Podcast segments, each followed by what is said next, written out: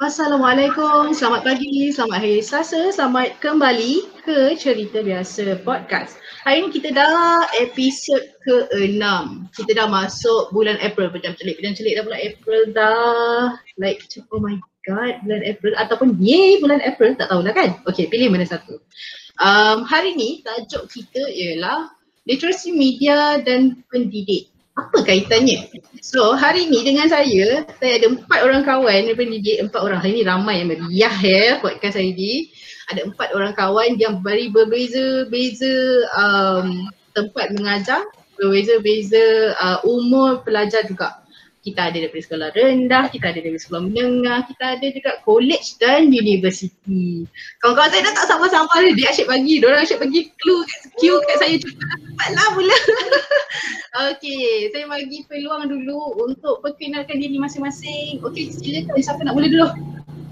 Ah, ni kau kena okay. atas dulu, atas dulu. atas tak tahu siapa, susunan tak sama. Tau.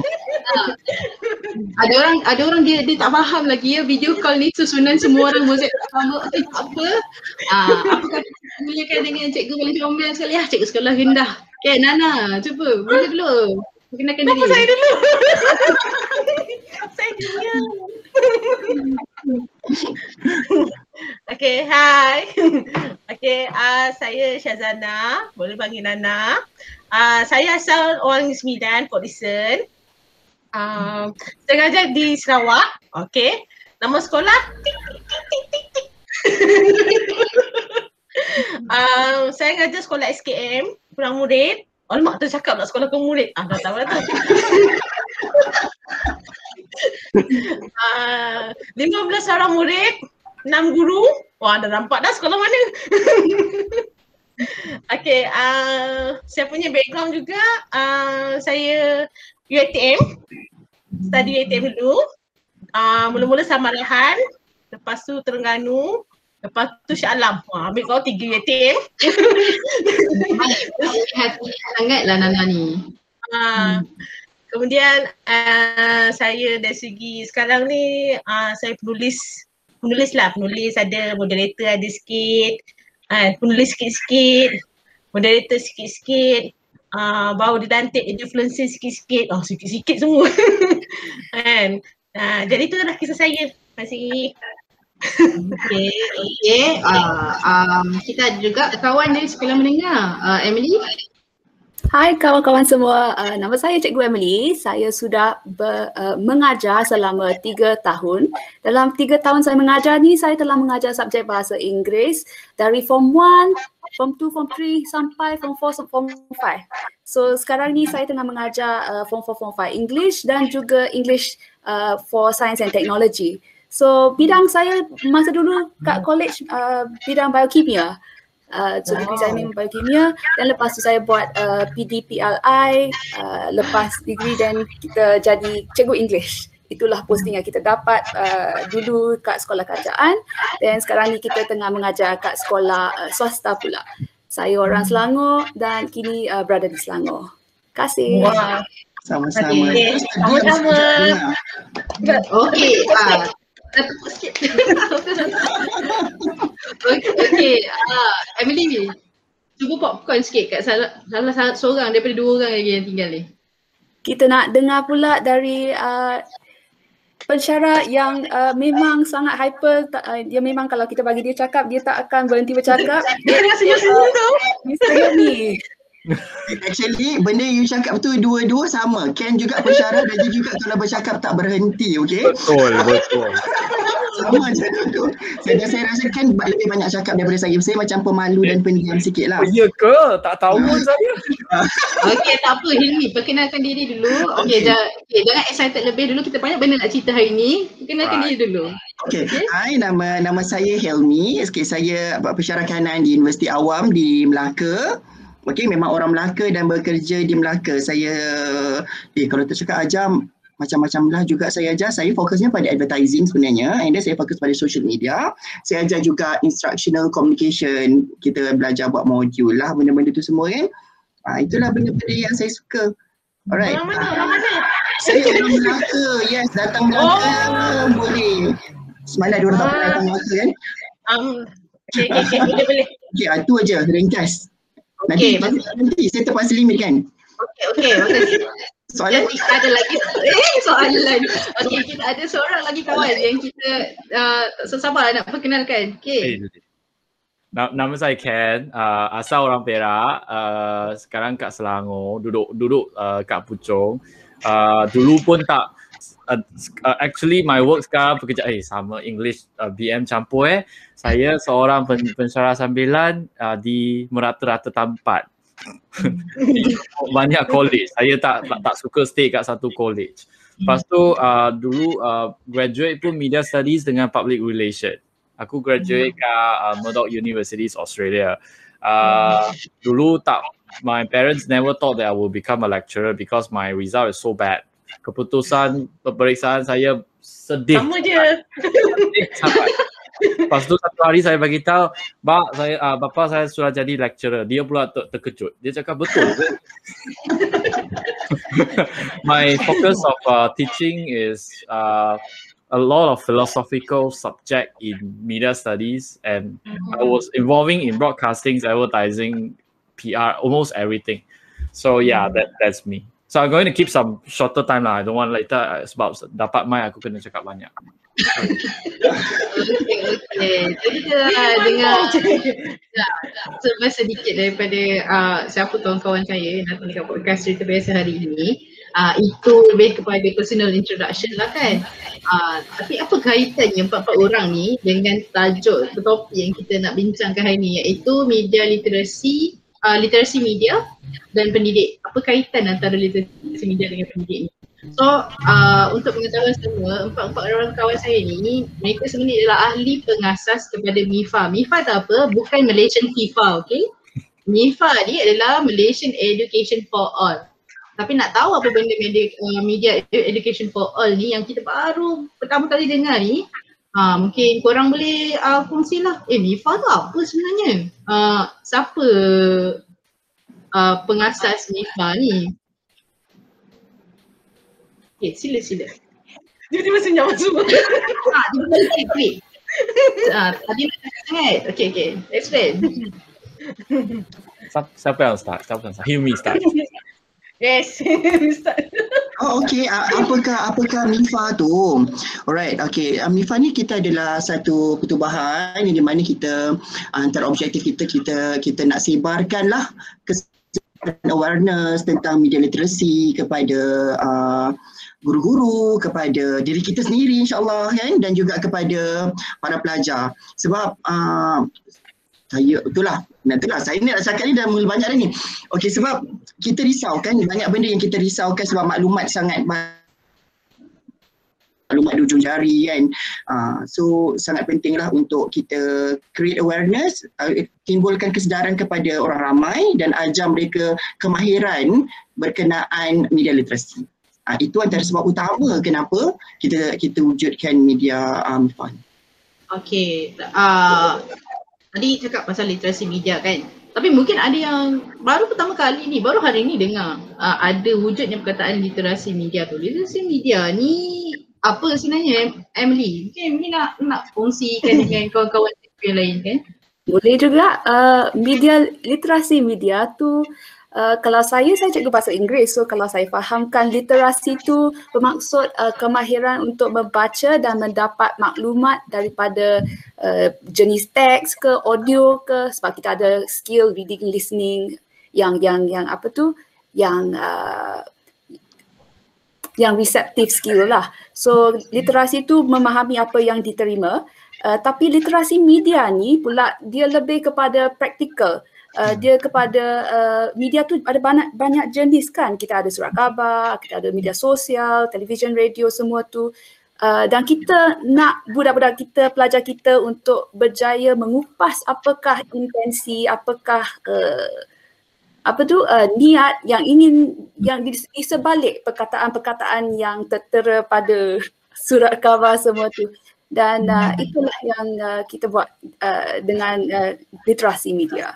Hmm. Okay, kalau saya boleh kembangkan sikit kan, apa benda yang Emily cakap tadi, literasi media ni dia uh, salah satu bentuk uh, kompetensi, kan? Uh, maknanya uh, satu bentuk uh, dia ada dalam tiga bentuk knowledge, skills and attitude. Dalam bahasa Melayu dia ialah penge- uh, ilmu pengetahuan, kemahiran dan tingkah laku. Kan? Attitude.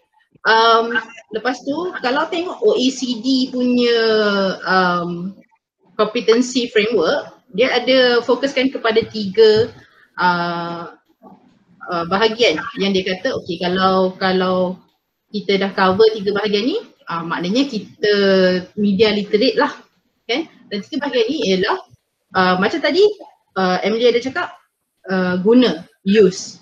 Hmm. and then uh, evaluate maknanya kaji. And then ada satu lagi ialah share ataupun communicate kongsi ataupun macam mana cara dia uh, berkomunikasi menggunakan media kan uh, nak tanya Nana lah kan Ya, saya. saya. dalam tiga-tiga jenis uh, kompetensi dalam literasi media yang kita baru cakap tadi kan Okay.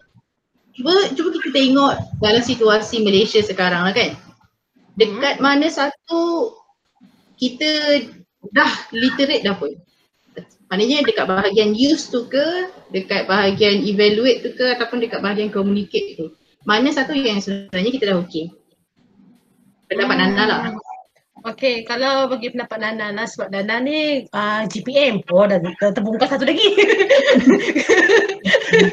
Okey, guru perpustakaan dan media. Jadi kami banyak juga menggunakan literasi maklumat. Sebenarnya literasi maklumat ni ada dalam GPM. Sebenarnya dah ada dah. Kalau kami nak masuk uh, macam uh, anugerah pusat sumber, ada skor-skor markah untuk literasi maklumat tu. Memang ada. Cuma kami tak ada pendedahan tu. Tak ada bahan, tak ada modul. Jadi kalau dalam bahasa Inggeris pun takkan nak cikgu tu nak pergi don check dalam bahasa Inggeris nak pergi cari kan. Sebenarnya benda tu dah ada dalam KPM. Cuma tak ada uh, bahan. Uh, jadi bila tengok literasi-literasi orang pun kata eh apa benda literasi ni. Jadi bila as uh, guru pustakaan dan media ni bila dia dapat uh, bila nampak literasi tu dia tak tahu tau macam mana nak kembangkan daripada aspek sekolah. Sebab kalau uh, guru media ni, guru pustakaan dan media ni everything maklumat di sekolah itu adalah pusat sumber. Adalah maklum adalah literasi. Ah itu sebenarnya. Jadi kalau uh, macam contohlah dari segi penggunaan kan macam media sosial ke apa. Sebenarnya kita Malaysia ni dah advance. Murid-murid saya pun tak ada line pun dia advance. Dia ada TikTok, dia ada IG. Maknanya advance walaupun tak ada line. Maksudnya dia orang berusaha nak mencari maklumat tu. Uh, Hmm. Cuma uh, kita belum dapat pendedahan dari segi etika tu. Uh, dalam media sosial lah, uh, itulah pendapat Nana. Sini serius sudah aku. Ya, okay. So Nana cakap tadi, basically untuk kita guna, kita dah tahulah. Dah Ha, yes. guna dah, dah dah cover dah. Kita tahu nak guna. Kita punya student, kita punya Ha. budak pun tahu nak guna. Cuma macam Nana cakap tadi, apa yang kita kurang sikit, apa yang kita lacking setakat ni ialah macam mana cara uh, kita nak komunikasikan ataupun cara kita berkongsi pula, uh, media dan maklumat tu kepada orang lain. Macam mana cara yang paling orang kata beretika dan bersopan lah kan. Ah, apa cara terbaik kan kita kata sebab kita selalu kata bila cakap pasal pendidikan kita selalu tekankan kepada memanusiakan manusia. Kan? Hmm. so jadi macam mana kita nak membentuk satu jenis manusia yang dalam erti kata lain idealnya adalah orang tu yang terbaik lah kan? Dengan ada etika yang paling tinggi dengan orang yang paling bersopan respect each other semua tu jadi kita selalu kena fikir uh, benda ni lah. Dan betul cakap Nana bila terlalu banyak jenis media kan dekat luar kita uh, nak kena tengok. Jadi untuk media ni apa yang sesuai? Untuk media B apa yang sesuai? Untuk media C apa pula yang sesuai kan? Kadang-kadang tak terkejar kalau ingat kan um, saya tak tahulah kawan-kawan saya ni muda lagi kot. Saya yang terlebih tua ke apa ke kan? Pada saya ingat saya satu masa dahulu uh, cik, satu masa dahulu. Satu masa dahulu ada uh, a control amount of uh, media Ah, okay. uh, bukan kontrol maknanya, bukan kontrol maknanya orang kontrol. Maknanya kita tahu TV tu ada berapa stesen. Ada berapa channel. Tahu juga khabar ada berapa jenis. Dan kita tahu dari mana kita dapatkan maklumat, macam mana kita kongsi maklumat. Dulu kalau nak tanya kerja sekolah pun kita tak tanya dekat public, dekat dekat Reddit, dekat Quora ke apa, tak ada. Hmm. Dulu tak, kalau nak pergi telefon ni, telefon rumah kawan. Hmm. Ha, kalau silap hari bulan kawan laki kalau nak call rumah ha, bapak bapak dia angkat kau siapa? Betul. Ah, ada pengalaman tu zaman kan. Itu zaman bila tu? Ah, zaman bila kan punyalah takut nak telefon kawan. Adakah masa tengok waktu TV tu? Bagi kita apa? tengok TV dulu pun limited masa. Tak adalah macam sepanjang masa. Kita spend kita luangkan masa lebih banyak dekat luar berbanding dekat dalam rumah tengok TV je kan. Betul. TV tu TV dulu okey, ni kejap tiba-tiba down memory lane kejap lah kan. Dulu ah TV dulu untuk kita kanak-kanak hari Sabtu dengan Ahad 8 pagi sampai 12 tengah hari je tau. Dragon Ball. Ah. Doraemon. Dia mesti dia mesti yang setengah jam, setengah jam, setengah jam, setengah jam tu. Ha, ya. Ha. Tu je lah. Sekarang uh, YouTube Kids. Uh, Disney Itu, itu Plus. yang saya fikir lah kan. Kita fikir memang sekarang ni memang waktu yang sangat mendesak lah untuk orang belajar, orang tahu tentang media literasi. Sebab Hmm. sekarang orang muda kita ni yang orang-orang muda lah 20 tahun ke bawah. Kebanyakan dia orang spend berapa? 7 ke 8 jam sehari dengan handphone kan? Surf internet aja. Dan antara benda yang sangat-sangat menakutkan, bukan ni bukan orang muda je, termasuk yang tua-tua juga, lebih 80% kita tengok kan? Dapat je maklumat percaya. Dapat maklumat percaya. Hmm. Yang tu sangat sangat berbahaya. Dia orang mungkin, mungkin tak share, mungkin tak share tapi dia dah percaya dulu. Hmm. Ah, Tak dia nak jadi oh. orang pertama tu. Ah, lepas tu ah, Ah. lepas tu dia pula sangat yang macam yang orang pertama kan. Lepas kereta api tu share. Ah, Ah. Betul-betul. Dia ada satu dia ada satu term untuk orang yang selalu nak jadi first ni. Uh, Ah. FOMO. Betul. The fear of missing out. Yes, fear of missing out.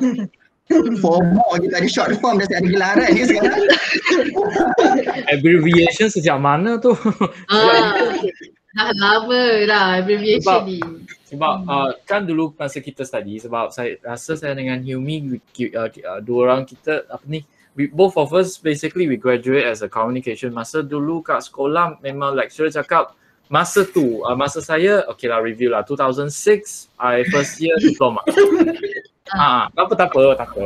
First year diploma lepas tu dah kita dah start perkataan ataupun uh, uh, istilah ataupun ter- terms tu overloaded information.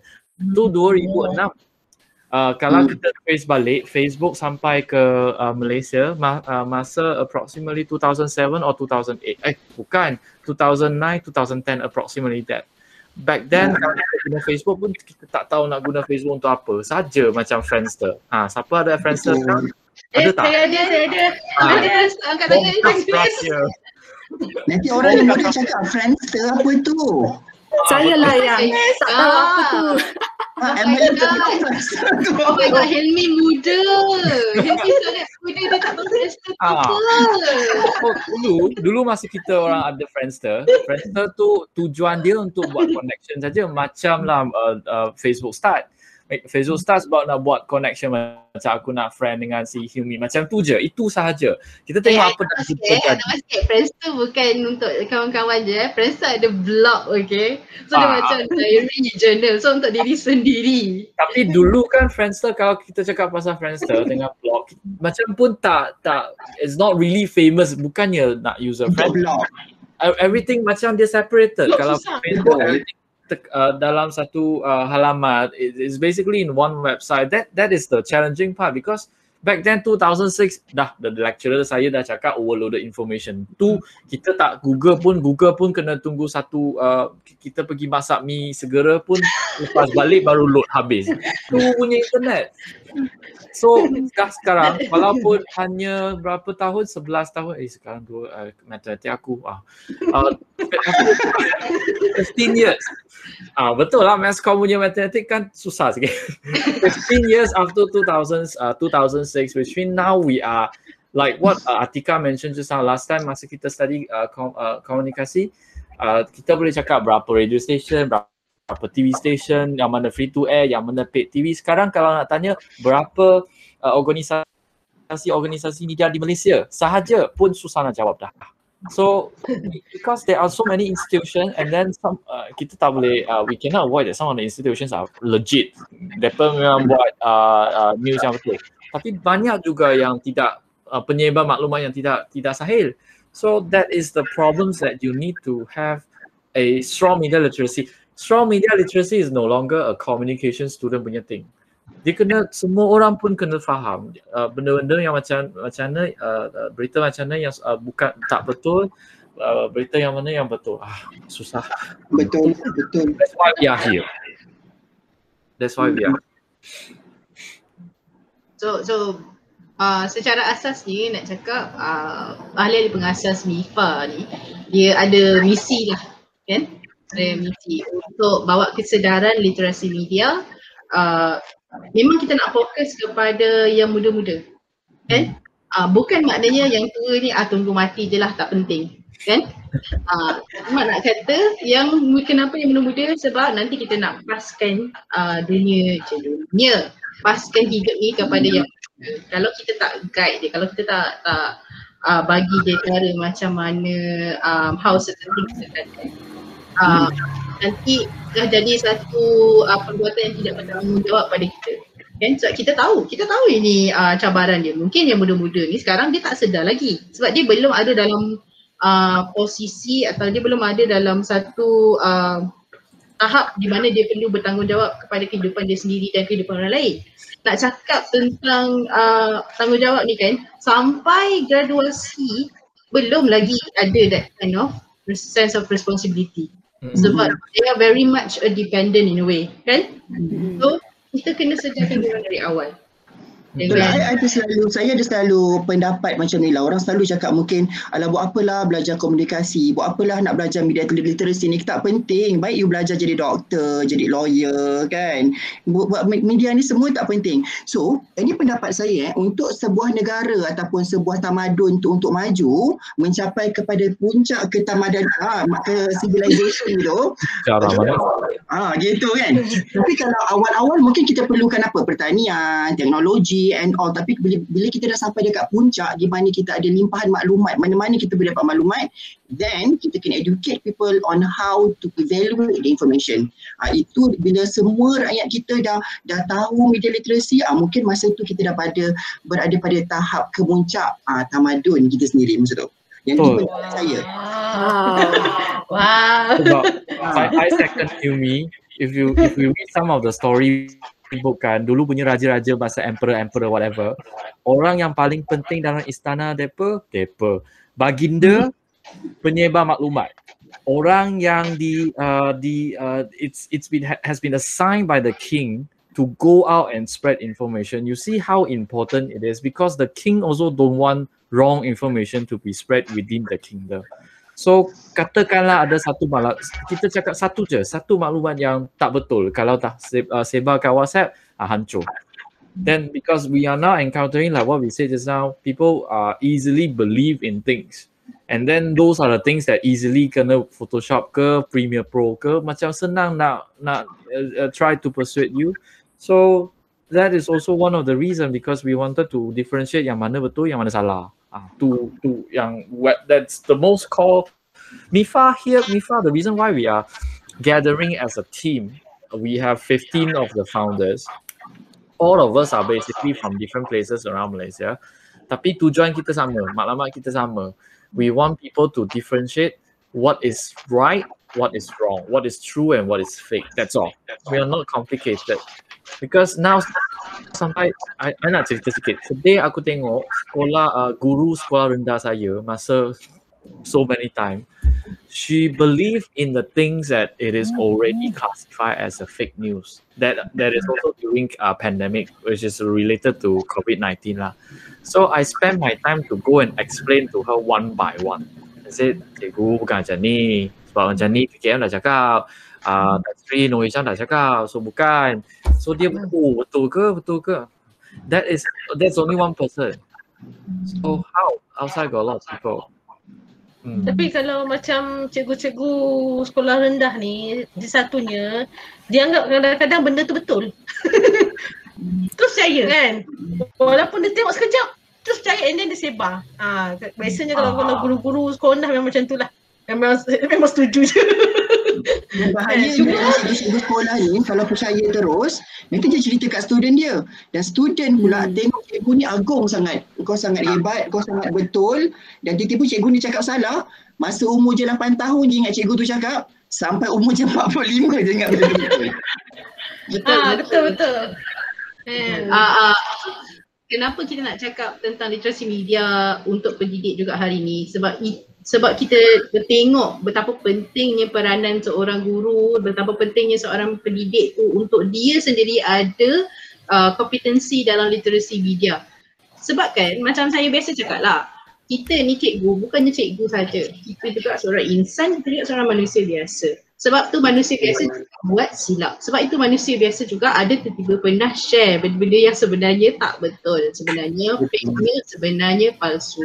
Bukan maknanya dia teruk sangat cuma dia tak tahu. Tapi alangkah lebih baik jika kita semua ada kompetensi literasi media dan kita lebih berhati-hati. Kita semak dulu, kita confirmkan dulu kita punya uh, maklumat sebelum kita pas kepada siapa-siapa. Tapi saya faham lah, saya faham ada ada sesetengah jenis orang bila dia tahu alamak benda ni salah, alamak ada kumpulan-kumpulan tu buat macam ni.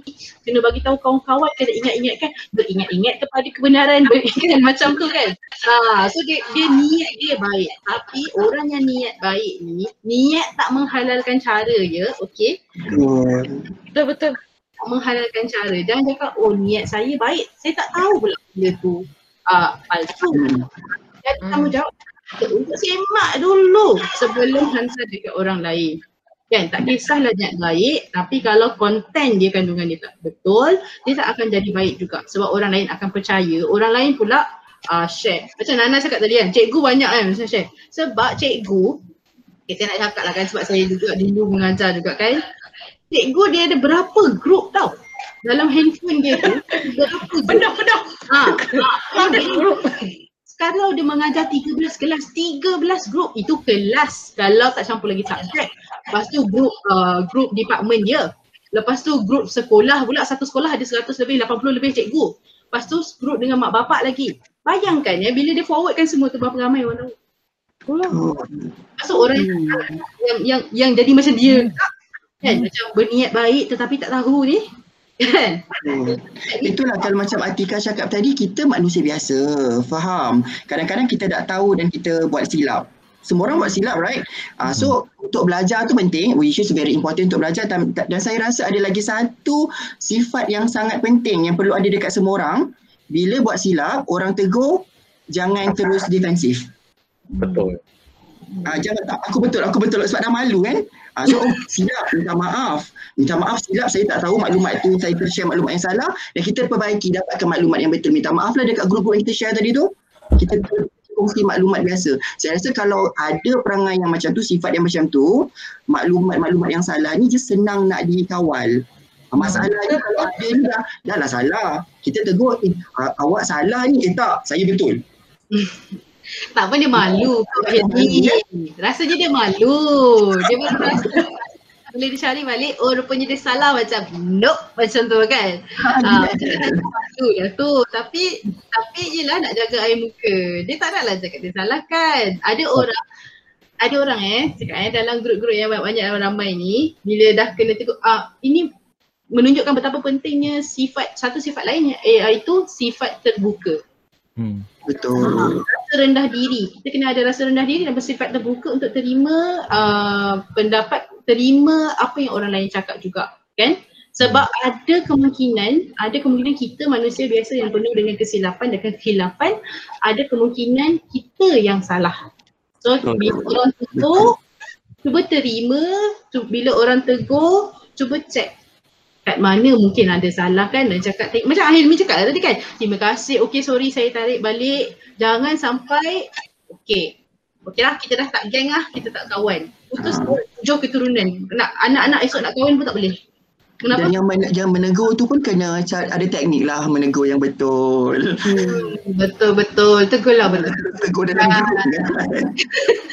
betul betul kan. Ah saya pasti macam kawan-kawan macam korang pun mesti pernah macam dalam grup mesti pernah perasan orang yang over sensitif bila ditegur dan orang yang over extreme bila menegur kan?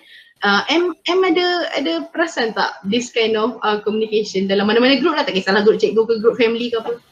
Ada juga tapi uh, kita yalah betul lah macam cikgu uh, macam Encik Helmi dan cikgu Atika cakap tu kita kena ada rasa apa tu uh, kita ni orang yang agak kerdil dalam dunia yang besar. Maklumat terlalu banyak. Kita tak tahu semua benda dan kita perlulah uh, ambil usaha tu untuk mendalami sesuatu topik yang kita rasa kita bukan uh, amat mahir dalam hmm. topik tersebut ataupun kita pergilah cari orang yang uh, expert sikit uh, untuk mengulas dan me, uh, me, apa tu clarify benda yang uh, yang kita rasa tu apa tu ada uh, tak sure sangat. Uh.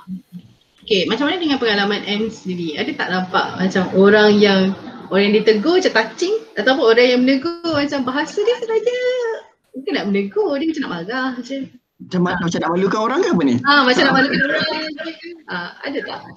Uh, mesti ada lah tapi macam tak ingat sebab M orang yang happy-happy. Kita tak ingat. Ah, betul betul betul. Kita kita hmm. uh, surround ourselves with happy people kan.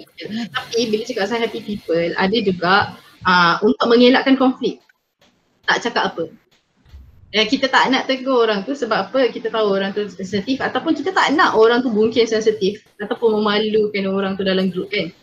Jadi ramai orang saya rasa bukan tak tahu, bukan tak tahu nak negur tapi tak nak tegur. Mengelakkan konflik. Hmm. hmm.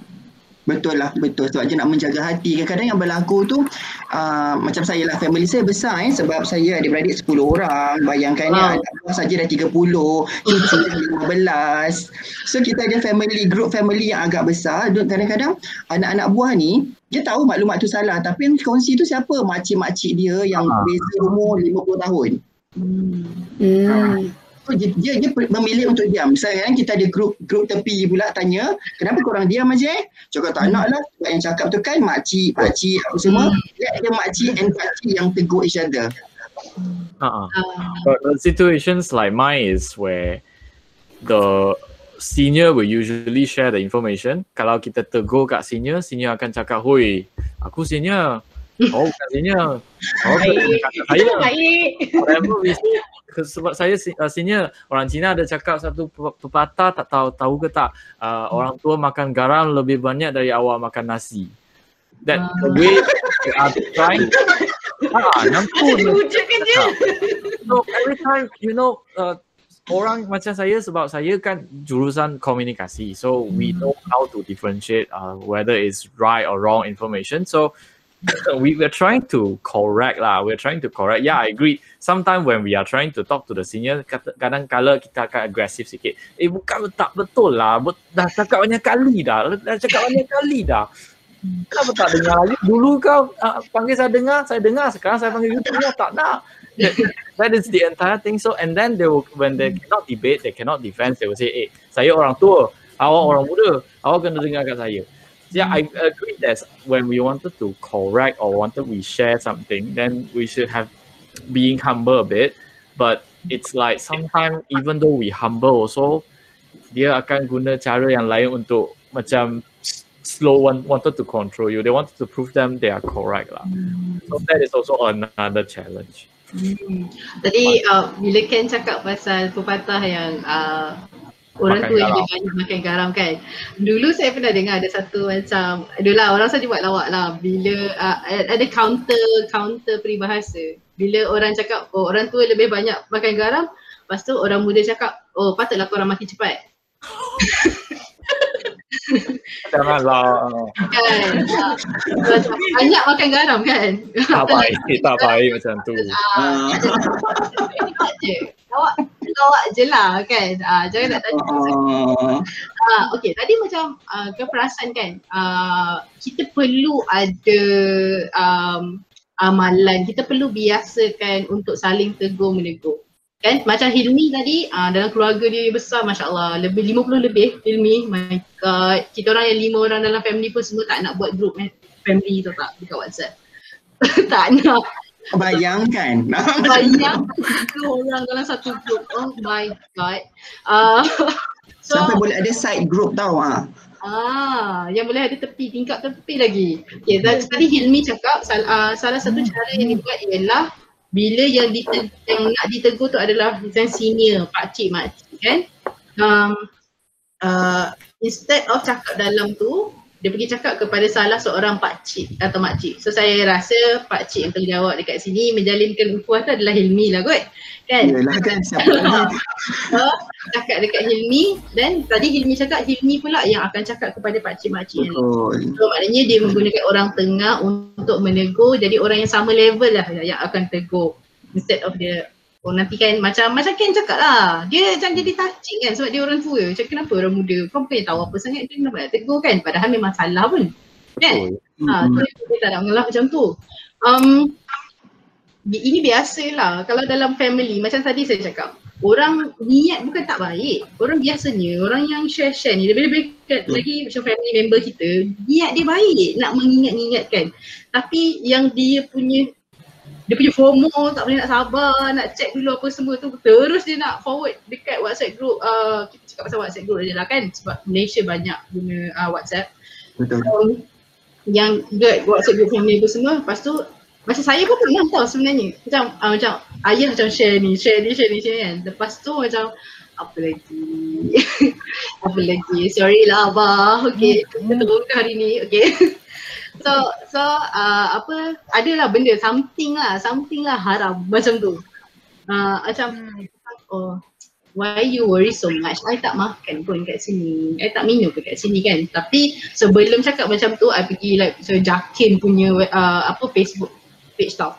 What apa yang bagus ni pasal Facebook uh, page Jakim kan dia macam fact checker punya um, portal juga tau fact checking portal Hmm. Orang-orang sebab Ya Allah daripada dulu sampai sekarang banyak gila ada je orang yang cakap oh roti roti XX haram, ini haram, itu haram, ini haram tapi tak ada sos, tak ada side, saja je macam nak nak buat orang naik darah tau. Ni. Hmm. Tu tak betul kan. So bila kita check dengan Jakim, Jakim cakap oh benda ni dah circulating tau sebenarnya dah beberapa tahun lepas. So orang guna balik Hmm. benda yang sama bila orang dah quiet down 2 3 tahun lepas tu keluarkan balik. Padahal tak betul. So Jakim memang dah ada benda-benda ni. So kalau siapa-siapa yang macam banyak lah macam tak, menolak uh, mak bapak kita, pakcik makcik kita nak menegur ke arah kebaikan dan keagamaan kan. Memanglah bagus kita nak jaga semua ni. Tapi bermakna semua benda yang dikongsi tu betul. Ini benda kita nak kena ingat selalu ya. Ah, tak bermakna apa-apa sahaja yang dikongsi Lepas tu just because dia ada a, a little bit hint of keagamaan maknanya betul. Hmm. Uh, saya ada ada nak cerita tu ada teringat pula satu satu kisah kisah satu cerita lah. Hmm. Tak nak cakap kisah benar ni. Satu cerita lah. Dan masa kami pergi luar negara, kita makan something lah. Makan something tau. Makan something. Tiba-tiba ada seorang kawan tegur. Eh, nah. Ada pork. Hah? Pork? Dah macam, eh, ya betul ni. Kira kita dah makan kot. Dah makan kot. Oh kenyang alhamdulillah. Nana. Kenyang okey alhamdulillah. Lepas tu dia kata mana bukti ada pork tu? Ah. Lepas tu dia tunjuk kat Google F O R K.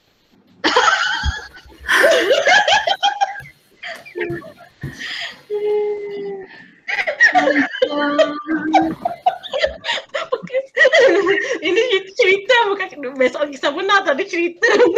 Ah, okey okey okey okey. Nampak di situ. tapi tapi dia tunjuk tau F O R K kita bantai gelak lah bantai gelak. Okey okey. Ha, actually ada so- pengajaran juga dari cerita Nana tu uh, yang kita apabila kita kena tegur kan ataupun kita sedar kesilapan kita tak payah rasa kecil hati. Kita you know dia dia, dia macam kita manusia tak terlepas daripada tersilap uh, literasi media ke apa. Kita you know kita santai, kita happy-happy dan am- ambil pengajaran lah daripada uh, kesilapan media Tak, literasi. kalau dia kalau dia tersilap tapi masalahnya dia punya confident tu bahaya. Kan? dia punya confident memang bahaya lah. Jadi bila dia confident bahaya, kalau orang tak tahu bahasa Inggeris contohnya, dia percaya tau. Kalau dia dengar. Hmm. Ah, dia akan percaya. Jadi dia rasa macam nak tak, macam tak sedap hati lah kan. Ah. Tapi tapi yang tahu bahasa Inggeris, cepat-cepat dia tahu. And then bila kita explain, dia tak berani nak sewenang-wenang. Dia check dulu ejaan tu. Spelling tu. Ah, dia check. Tapi saya cerita ni, dia bukan biasa apa. Kita kalau pergi luar negara kan, kita biasa check halal tu. Hmm. Kan? Kita tahu benda-benda tu kan check halal. And then kalau di sini dengan luar negara lain halal kan kita kan tahu environment duk, macam mana luar negara kan. Ha, jadi bila bila kena guna macam tu itu bawa satu isu. Sebab kadang-kadang uh, ada gunakan sentimen agama. Hmm. Okay, ada orang gunakan simpati macam kena macam ambil hati tau kesian. Kau kena kesian ni kesian macam agama suruh ni. Tapi kalau tak, tak siasat orang tu siapa? Hmm. Ha, bila dia guna sentimen agama ni bila start sentimen agama dia akan keluar benda lain. MLM lah apa-apa benda lain lah dia akan keluar lah. Yang benda-benda macam tu. ha, jadi kadang-kadang fakta tu tak semestinya dia agama. Tapi kau macam, kau macam masuk tu macam fakta tu kadang-kadang orang guna sentimen emosi. Hmm. Ha, dia tak guna fakta, dia guna emosi. Ha, itulah aku ni tak ini dia ni kan. Tapi uh, bila bila bila kita, kita terangkan perkara yang betul, uh, kalau orang tu okey dia terima okey. Hmm. Tapi kalau orang tu tak terima, ah uh, macam dia sebarkan lagi, ah uh, tu yang akan jadi satu benda tu akan berterusan tu. Ah uh, Betul lah Nana kan dia dah cakap pasal uh, benda-benda biasanya kenapa benda-benda viral ni senang sangat orang nak percaya dan senang sangat orang sebarkan ialah uh, kita ada satu point yang biasanya uh, akan menyebabkan orang akan mesti rasa nak nak react kepada apa-apa je jenis information maklumat yang ada dekat luar tu. Yang Nana cakap tadi point yang sangat penting iaitu emosi. Apa-apa sahaja yang kita tengok dekat luar tu ataupun kita terima lah kan? Apa yang uh, kawan-kawan share tu ataupun ahli keluarga share kita cuba kita check dulu emosi kita bila kita baca benda tu adakah nak buat kita marah ke kan? Adakah nak buat kita rasa takut ke apa ke kan? Biasanya macam tu. Uh, sebab semua orang ada apa benda yang penting dalam hidup dia.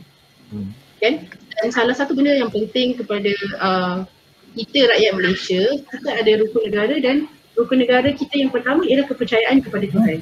So kita percaya kepada institusi agama dekat dalam negara ni kan so bila cakap pasal agama kita mesti ada macam semua orang akan rasa bertanggungjawab untuk uh, dia nak memperbaiki diri dari segi agama so banyak benda yang dia, dia akan jaga kan Hmm. So sebab tu bila cakap pasal halal haram terutamanya dalam konteks komuniti muslim benda ni adalah sensitif sebab apa halal haram tu akan mempengaruhi keseluruhan hidup dia, keberkatan hidup dia. Hmm. Itu konsep. Sebab tu bila cakap halal haram benda tu cepat sangat akan jadi viral sebab benda tu sangat penting. Betul. Because one of the reasons, salah satu uh, uh, sebab saya ambil master, lepas tu masa saya nak decide nak buat tajuk macam tajuk apa, uh, saya bincang dengan supervisor saya. Lepas tu dia tanya apa yang dalam uh, apa yang paling menjadi interest you? you what what is the one that you make you so curious? Then I was like, can I use my master research to help to reduce some misunderstanding among the races in Malaysia? That is in my mind. Sebab saya dah asal dari uh, kampung kecil tapi majority Chinese. So when there's Chinese only within that particular village, there's definitely a lot of misunderstanding. People will be like, uh, salah faham sebab eh, mereka tak ada cara ataupun tak ada kawan yang dari uh, uh, ataupun kawan Melayu yang boleh bincang ataupun untuk saling memahami. Memang tak ada.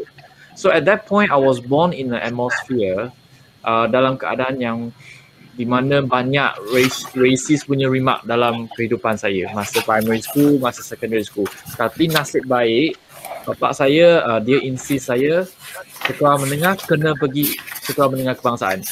Dari starting point form 1 tu aku dapat banyak uh, kaum Melayu. Tapi masa tu lah saya rasa kenapa apa yang saya faham dengan interaksi sesama kawan Melayu dengan saya tak sama dengan apa yang saya tahu sebelum ni masa kat primary school. So when I was that uh, Atika mentioned about haram and halal, that is still a thing that a lot of people do not understand. I'm I'm referring to my own people. They do not understand. Sometimes they pertikaikan, they, they mempertikaikan and then they will just make it as a joke. And that is the point that I will say that if you do not understand or you choose not to understand, awak bukannya tak nak uh, tak nak uh, memahaminya, aw- awak uh, awak uh, you choose not to. Awak sengaja tak nak pergi memahaminya. Yang tu yang uh, menjadikan masalah. So even the media literacy, even though we say that it's just media literacy, ah, apa yang Mifa buat ni hanya media literacy. Tapi if you look in depth into it, once we reduce or once we know how to differentiate the right or wrong, we are somehow towards even better generated generating even better unity kind of atmosphere within people within Malaysia. Sebab mm-hmm. Malaysia ni bukan negara Jepun, bukan negara South Korea, bukan negara China, bukan mm-hmm. negara Arab, bukan negara India. We are multiracial and that the, the uniqueness itself it's basically the biggest challenge in our country. So because mm-hmm. we always said that we wanted to always know each other, respect each other, but then kita tak nak pergi memahami ses- sesama sendiri. That's the that's the problem that I see. So that's why my master dissertations I choose to understand Islam. Until my Malay friends come and say, hey, ni nak masuk Islam ke ni? Sebab doa pun dah macam sebulat suara dah. that, that is the reason. That is the reason. Dalam banyak-banyak negara, I rasa, saya rasa lah, Malaysia memang sangat-sangat lebih lebih sangat memerlukan media literasi itu sendiri. Sebab hmm. dengan adanya media literasi, kita akan lebih faham tentang orang lain yang ada dalam negara kita, tentang bangsa lain, agama lain dan kita akan lebih sensitif dan kita akan lebih bertoleransi dengan orang lain. We know more. Kita, kita skill media literasi ni kita belajar untuk mencari maklumat. Hmm. So, uh, betul, kita, betul. kita ada kemahiran tu kita akan go deep more information more oh okay lebih maklumat kita tahu kita lebih faham tentang jiran kita tentang kawan kita yang lain bangsa lain agama. Hmm. kalau tanya negara mana lebih perlukan Malaysia lebih sangat memerlukan media literasi berbanding negara lain. Agree uh, agree betul. Sebab saya pun macam macam nak kan mengajar di Sarawak kan? Uh, nak dekat tahun yang ke-8 jadi kita hidup apa di kawasan Iban uh, lain kan. Yang kita nampak bezanya apa uh, beza. Uh, walaupun kita banyak perbezaan tapi hormat itu kena penting lah kan? Respect. Uh, kita kena layan orang sama rata kan? Uh, jadi memang dia memang dia jagalah cikgu-cikgu di kami dekat sini memang dia jagalah. Uh, kalau pernah kan saya nak bagi hadiah pada murid tahu tak murid tu cakap apa? Cikgu saya ikhlas. Wow ah Bukan senang nak dengar budak tu cakap ikhlas. Balance lah saya. Ikhlas. Cakap ikhlas. saya kan bila kita kongsi, uh, tadi kan kita dah masuk topik agama kan, lepas tu saya saya berminat sangat nak kongsi satu pengalaman saya. Saya rasa, saya lupa, 2017-2018, saya ada join, saya disertai UNDP punya workshop dekat Jakarta, Indonesia. Masa tu memang discuss pasal extreme by, uh, apa tu, uh, violent extremism di kalangan orang agama.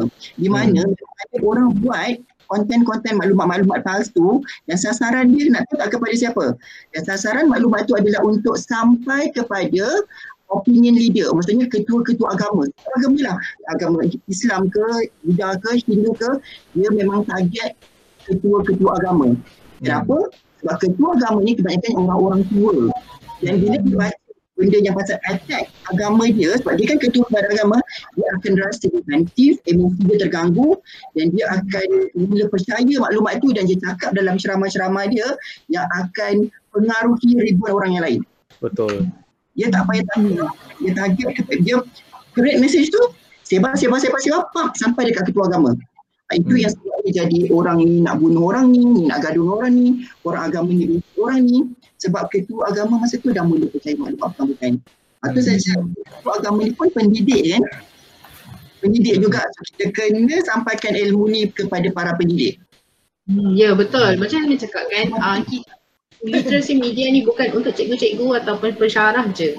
Kan? Literasi media ni ada satu uh, keperluan yang sangat mendesak kepada semua orang. Dan kalau kita tengok sebenarnya kita dalam walaupun dalam apa jenis jawatan dalam ataupun pekerjaan yang uh, kita buat sekarang, kita ada masanya kita bertindak sebagai pendidik. Sebab apa yang kita buat orang lain akan mungkin ikut. Kan? Dalam tambah lagi bila kita ada dalam satu uh, kedudukan yang senior dalam masyarakat ataupun komuniti. Macam tadi Hilmi ada cakap uh, apa key leaders key religious leaders kan? Hmm. uh, apa um, So pemimpin-pemimpin ni ataupun ketua-ketua agama ni uh, dia ada satu kedudukan dalam komuniti keagamaan tu di mana orang lain akan percaya cakap dia sebab dia seorang yang mengamalkan agama dengan baik kita percaya tu. Orang orang bawah dia akan percaya tu. Jadi apa-apa saja yang dia cakap orang akan percaya dan ikut. Betul macam yang dia cakap kan? Hmm. dan orang orang bukan bukanlah kita nak cakap orang bother to same ah kan? Tapi kita ada this eh mesti dia dah buat uh, apa research dia dulu sebelum cakap dengan kita kan? Jadi kita percayalah apa benda dia cakap. Kita tak perlu research. Padahal dia tak buat research juga dan dia terus kongsi dengan kita. Bukan nak cakap semua ya. Kita nak cakap ada. Bukan cakap semua key religious leaders macam ni. Ada yang bagus. Ada yang jenis tak akan keluarkan apa-apa sahaja maklumat ataupun uh, pendapat ataupun uh, informasi yang diterima dia akan check dulu. Sebab dalam setiap agama pun ada ada keperluan untuk semak maklumat. Bukan Islam je. Konsep tabayun dipanggil. Tabayun ni ialah verify and analyze uh, maklumat. Kan kena hati-hati, kena prihatin and jangan terburu-buru. Tapi kadang-kadang kita tak boleh nak salahkan sangatlah kan ketua-ketua orang-orang tua ni lah. Sebab dia orang kan uh, computer literacy tu kan rendah. Kita nak boleh cakap, kita bukan jangan cakap pasal media literacy. Teknologi literacy tu pun rendah. Mungkinlah dia ada orang dekat samping dia, orang muda yang tolong tegurkan, ni cikgu, cikgu ni tak boleh ni cikgu. Jadi kalau apa-apa pasal benda dekat WhatsApp, kontak saya dulu. Saya check kan, okey dan cikgu baru boleh cakap dekat ceramah. Hmm, itulah. Tapi kalau kita tu maknanya orang sekat, orang yang muda pun kenalah terli- melibatkan diri dengan dengan ceramah-ceramah ni. Betul. Kan? Kalau tengok yang banyak kat surau kat masjid siapa? Orang tua. Dia geng tua dengan tua juga. Rasa siapa yang nak check kan? Siapa yang nak jadi orang tua ada. Kan? Uh, itu nak cakap dekat surau dekat masjid. Uh, biasa dia uh, kenapa ramai lebih ramai orang yang uh, apa berubah arah kepada keagamaan lebih fokus kepada keagamaan ialah orang-orang tua. Tak kisah agama apa pun kan? Kalau tengok oh dia dah lepas uh, pencen apa semua so dia ada masa lebih sikit. Baru dia teringat macam oh syurga neraka lepas ni kan baru dia ingat macam okey ada masa sikit pun nak jadi baik. Sebab tu ramai dekat mana dekat tokong ke dan biasa ramai tu kat situ kan? Hmm. ha. melainkan orang muda ambil inisiatif untuk sama-sama nak nak, nak terlibat dalam aktiviti-aktiviti keagamaan. Dan jadi jadi the, the orang kata apa the eyes and ears yang tolong tolong check. Ini dia lebih sangat berarti kan? Um, tadi kan kalau cakap pasal uh, kita kena tahu apa yang betul apa benda yang tak betul. Dan kita juga kena tahu apa benda yang baik dan apa benda yang tak baik uh, yang ada dekat media sekarang. Kan Emily boleh expand sikit. Macam kalau baik dan tak baik tu senang. Bukan sen- senang lah kita nak check kan. Tapi apa apa standard yang nak cakap benda ni baik atau tak baik? Standard uh, kesahihan maklumat eh. Uh, hmm mestilah dia uh, mempunyai kebenaran, ada fakta berdasarkan uh, fakta dan uh, ya dan saya rasa kita kena ada kesedaran diri juga tentang bias kognitif yang kita sendiri ada. Dan uh, mungkin kita akan membaca sesuatu dan kita lebih cenderung untuk setuju dengan satu pendapat berbanding dengan fakta sebab kita ni ada uh, pengalaman bila kita uh, growing up that time kita mungkin dapat maklumat daripada ibu bapa yang kurang sahih ataupun kita dapat pengalaman yang pahit sikit dengan kumpulan uh, masyarakat yang tertentu mungkin. Uh, dan itulah yang uh, akan mempengaruhi uh, cara kita me-evaluate sesuatu maklumat itu dan ialah rasanya kesedaran diri itu yang penting untuk uh, mendapat uh, untuk mencari maklumat yang sahih sebab kalau kita tak sedar kita tak akan cari. Hmm. Hmm. Cakap pasal baik dengan tak baik kan semua orang ada dia punya uh, definisi peribadi lah kan hmm. apa baik dan apa yang tak baik. Jadi macam mana kita nak lebih kurang sama ratakan apa yang baik dengan tak baik ataupun sebenarnya tak perlu kita samakan apa yang baik dengan tak baik. Apa yang penting ialah bila uh, apa kita berdepan dengan pendapat yang berlainan kita jadi terbuka untuk menerima it's okay. Tak ada apa benda yang kita boleh buat sebab itu kepercayaan dia. Dan kita ada kepercayaan kita. Kan? mungkin mungkin kawan-kawan mungkin korang boleh expand lagi on that note yang kita tak perlu sentiasa nak sibuk cari titik kesamaan all the time. I, w- I would say that we are from a different uh, cultural background. We are basically from different backgrounds. So I, I, it's very hard for us to find the balancing point. But I will say that at least you try to understand who are they. So if you choose not to understand them, that don't talk about finding balancing point. You are already skewed towards some places that you already have maybe maybe a stereotypes uh, a prejudice or you may lead yourself to discrimination so uh, bagi saya lah, as simple as uh, I, I always love one uh, one theories by one of the scholars. Uh, it's called uncertainty reductions by uh, Burgers and Calabrese. Sebab I guna teori ni untuk untuk research saya. Dia cakap uh, sebarang uncertainty dalam dunia ni, se, sebarang ketidakpastian di dunia ini akan diselesaikan dengan intensi awak untuk pergi memahami dengan menggunakan komunikasi. Sebab communication means that you can go and do some research. You can go and ask verbally. You can go and talk to the person. Kalau yang ni pun tak nak buat memanglah tak boleh cari tak payahlah cakap pasal cari balancing point. Again it goes back to susah nak cari balancing point tapi at least you try to find the balancing point or you try to uh, understand the differences the differences makes it makes us beautiful i guess because of the differences that exist in Malaysia that make us beautiful. So, but you have to understand the the beauty of these differences. That makes us special. Ui, macam lah. Betul kan? I sangat saya sangat setuju dengan apa Ken cakap tu betul betul. Sebab dulu dekat Malaysia kita susah nak cari persamaan tu. We don't have. Kita tak perlu cari persamaan tu.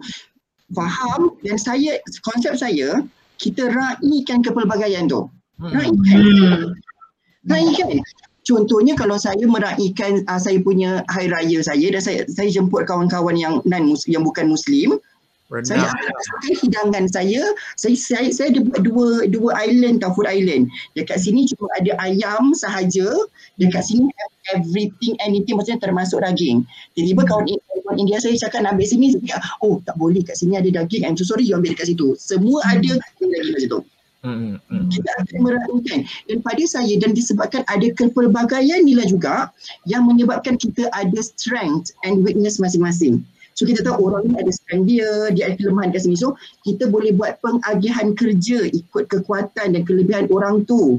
So hmm. kan jadi lebih makmur Malaysia ni kalau kita meraihkan kepelbagaian tu. Hmm. Berhenti mencari persamaan tapi meraihkan kepelbagaian tu. If you, if you look into Malaysia kan negara kita ada setiap orang rakyat Malaysia kita ada banyak public holiday tau. Yay. Sebab apa kita ada banyak public holiday sebab ketidak ketidaksamaan. Kan kita sengaja nak cari balancing point semua kena sama. We only have a few ways. I don't want. I want more public holiday. betul tak? Betul, betul, betul. Ah, uh, masa saya pergi jalan-jalan di Taiwan kan, so saya duduk dekat satu backpackers hostel lah. And the kawan-kawan daripada female punya dorm, so kita orang makan sekali. So ada orang dari Canada, ada orang daripada uh, Jepun, ada orang dari um, Amerika juga. So cakap-cakap-cakap tu tiba-tiba kita cakap pasal Ah, jom lawan. Siapa ada public holiday lagi banyak? I gelak je. So saya gelak dalam hati. Ah, menang dah. Lepas tu diorang cakap lah, okay, diorang ada berapa ni, berapa ni, lepas Malaysia. Hmm, 20 lebih. diorang macam tu, nak dekat sebulan Ha? Korang dapat kita nak dekat sebulan. Macam, hmm, tak pas hati datang. Malaysia, duduk Malaysia kan banyak. ya, yeah, so betul kan kan. Uh, ada baiknya kan kita ikan perbezaan ni. Kan kita pun dapat dapat rehat lebih sikit kan. So dapat tinggal kena kawan-kawan. Kan? Kalau kita fikir dari segi cuti lah kan? Kita bertuah. Kita dah macam sebab dah cikgu I like. Because we have the perbezaan then that is a requirement for us to go and understand this perbezaan so uh, at least when you try to understand then you won't have something wrong thoughts uh, uh, uh, apa tu uh, penyangkaan yang tidak hmm. betul ataupun penyangkaan yang salah. That is that is also part of the media literacy also information literacy. So uh, we, we we try at least we try now. We, we know that because we just started mifa so we do not know how far that we can go but at least we start now. So we start now and then we try to influence and we try to lead someone. Then we all come together and try to find the differences and then we try to understand the beauty of the differences. Previously like what uh Nana said we have the mod we have the module but no one is practicing it even in the school area no one is practicing it and i still remember uh david yang cari i then I, I was like then I, I was like curious about this MIFA. I, I I'm very I'm very into this because I wanted to have a media literacy thing. I, I even already started to cakap dengan kawan saya, bincang dengan kawan media saya, eh kita nak start tak media literacy ni. Tapi tak lah sembang-sembang milk tea kan tak. so uh, lepas tu tiba David David pula post something online. Lepas tu aku pula click in sebab ada kawan saya tag I, dia tag saya punya blog. Lepas tu I tengok, wah, eh interesting. Then I ask David. David then tell me that the problems in Malaysia is where we have the module. Kita ada module tu, tapi module tu 20 tahun sebelum ni. Mm. Meaning that, or, or 15 years, or maybe 20 years, I don't know. It's so old already. It's, it, it's during our parents' time, I guess. So that is also another reason because like I also want to go back to the point that we mentioned just now, like Hilmi mentioned about key uh, religious leader, ketua-ketua agama. Uh, it's it's happening in uh, in my own in, in my own faith as well. All the teachers, right, and all the agamas leader, right, uh, they are basically the most influential people, because the the murid murid won't say teacher is wrong, and then the pengikut pengikut or uh, the penganut penganut won't say their religious leader is wrong so if the religious leader is wrong and the cikgus is wrong, ah, dah semua dah musnah. So that is that is the thing. Ah, yeah, when I, like like like like people like haru, you know, when I was like because because you see ah, when I received this card, I was like, wow, it's like ooh, so so happy. Belum dapat, saya. Okay, uh, bagi bagi sesiapa yang mungkin rasa lost kan apa benda yang tiba-tiba Nana dengan Ken cakap tadi kan? Uh, orang pengasas-pengasas MIFA ni dia dapat satu uh, pack lah macam gift daripada uh, penganjur Arus Academy. Ha memang tak nampak lah ada menunjuk. Dan dia dapat kad juga tau. So dekat kad tu dekat ni jealous jealous. Dekat dekat kad tu cakap apa kan? Mungkin Ken nak baca sikit yang ni yang saya uh, yang ni uh, tapi ada story lah. Tapi yang ni kita bincang tepi dia cakap Malaysians are going to have a better media and information literacy skills because of you. Ah sebab because of you uh, saya nak menangis. Thank, thank you for joining us as a co-founder on this excite, exciting adventure from all from all of us at Media Education for All MIFA. That the reason the reason when I feel that I I got very very touched that I was involving in this project, even though I go and talk to my friends, say I'm in, involving in this one. So in future that if you suddenly, suddenly want ask me to go mama store, I'm sorry, ah, tak tak boleh, aku kena buat Um, the, the thing is, uh, media literacy or information literacy is getting even serious since the, the year that I mentioned 2006 overloaded information 2016 dah lah belasah semua kat Facebook apa tu cyberbully whatever dah lah pandemic pandemic semua orang duduk rumah. Duduk hmm. rumah buat apa? Macam Himi cakap satu hari kau layan kat uh, Facebook ke Instagram TikTok tu berapa lama? Hmm. kalau tak tidur 24 jam lah tu. Kalau tak 20 24 jam 25 lah tu. So you do not know how many the how many informations that our kids are basically receiving from the social media. Yeah. and you do not know how many informations basically on top of it is basically fake saya hmm. dah start saya punya blog dulu saya uh, buka blog saya semata-matanya untuk tunjuk ah uh, kafe mana aku dah pergi makanan apa aku dah makan. Tu je tujuan saya punya uh, tujuan blog saya. Tertiba saya rasa eh saya boleh boleh gunakan blog saya untuk untuk mengesahkan maklumat-maklumat yang palsu. So i try, i try to do it in, in in mostly mandarin lah mostly mandarin. Then i started to write now it go up very high engagement already. So I think that I I, I am part of the, the responsibility of myself as a media person or maybe a media communication lecturer is like let me do something and contribute a little bit back to the society. At mm. least I wanted to do something a little bit. Alah, aku terharu lagi. Tahu hari ini. Nana, tengok Nana. jealous, jealous. Nana, uh, okay sedikit konteks ya. Nana tak dapat lagi uh, pack tu daripada penganjur. Tu yang dia tengah jelly sekarang ni. Uh, Apa screenshot? okay, uh, tadi kan uh, kalau ingat lagi kan uh, awal-awal tadi Nana ada mention pasal sebenarnya dah berapa puluh tahun dah kita cakap pasal literasi maklumat. Kan? Tapi sekarang kita cakap pasal literasi media dan maklumat. Kenapa? Sebab ada perubahan dekat situ. Dulu memanglah macam kita cakap dulu kita tak banyak sumber dan kita tak banyak channel untuk media kan. Jadi uh, bila nak dapatkan maklumat pun memang kita akan bergantung semata-mata kepada bahan maujud uh, fizikal yang ada dalam uh, perpustakaan. Itu dah cukup untuk kita. Uh, zaman kita dulu. Kan? Tolonglah berlaku eh semua orang zaman kita. Betul, betul. Ha, jangan zaman saya ya. Ha, saya nak ingat kawan-kawan saya ni dia orang pun sama je sekapal dengan saya. Jangan perasan. ha, so zaman kita dulu macam everything kita akan dependent, kita akan bergantung kepada bahan-bahan yang ada dalam perpustakaan sebab itu namanya dulu kita dah ada dah. Malaysia dah ada. Malaysia biasanya cepat benda macam ni. Literasi maklumat. Tapi literasi maklumat tu ada sampai sekarang cumanya dengan perkembangan media yang ada sekarang ni literasi maklumat sahaja tak cukup. Hmm. Dan uh, maklumat tak berada cuma ada dalam bahan maujud ataupun dalam bahan fizikal dekat perpustakaan sahaja. Dan sekarang perpustakaan pun dah tak ada kat sekolah. Perpustakaan dah ada kat rumah dah sekarang sebab tak boleh pergi sekolah. Kan? Betul. Ha, jadi bila cakap kat rumah tu maknanya kat mana? Bukan dekat book corner dia ke apa. Tak ada book corner dia. Book corner dia dekat dalam handphone dia. Hmm. Dan dalam e-book e-book dia, dalam YouTube YouTube yang dia ikut kan, dalam TikTok TikTok kawan-kawan dia yang dia follow macam tu. Jadi kita dah tukar kepada literasi media dan maklumat. Jadi semua orang nak kena beri perhatian tentang perubahan ni dan kita kena terima yang something must be done. Yep. Betul, betul, betul, betul. Betul, sangat-sangat betul. Sangat-sangat betul. Eh, sangat-sangat betul je tak cukup ya Emily. Itu Emily expand sikit.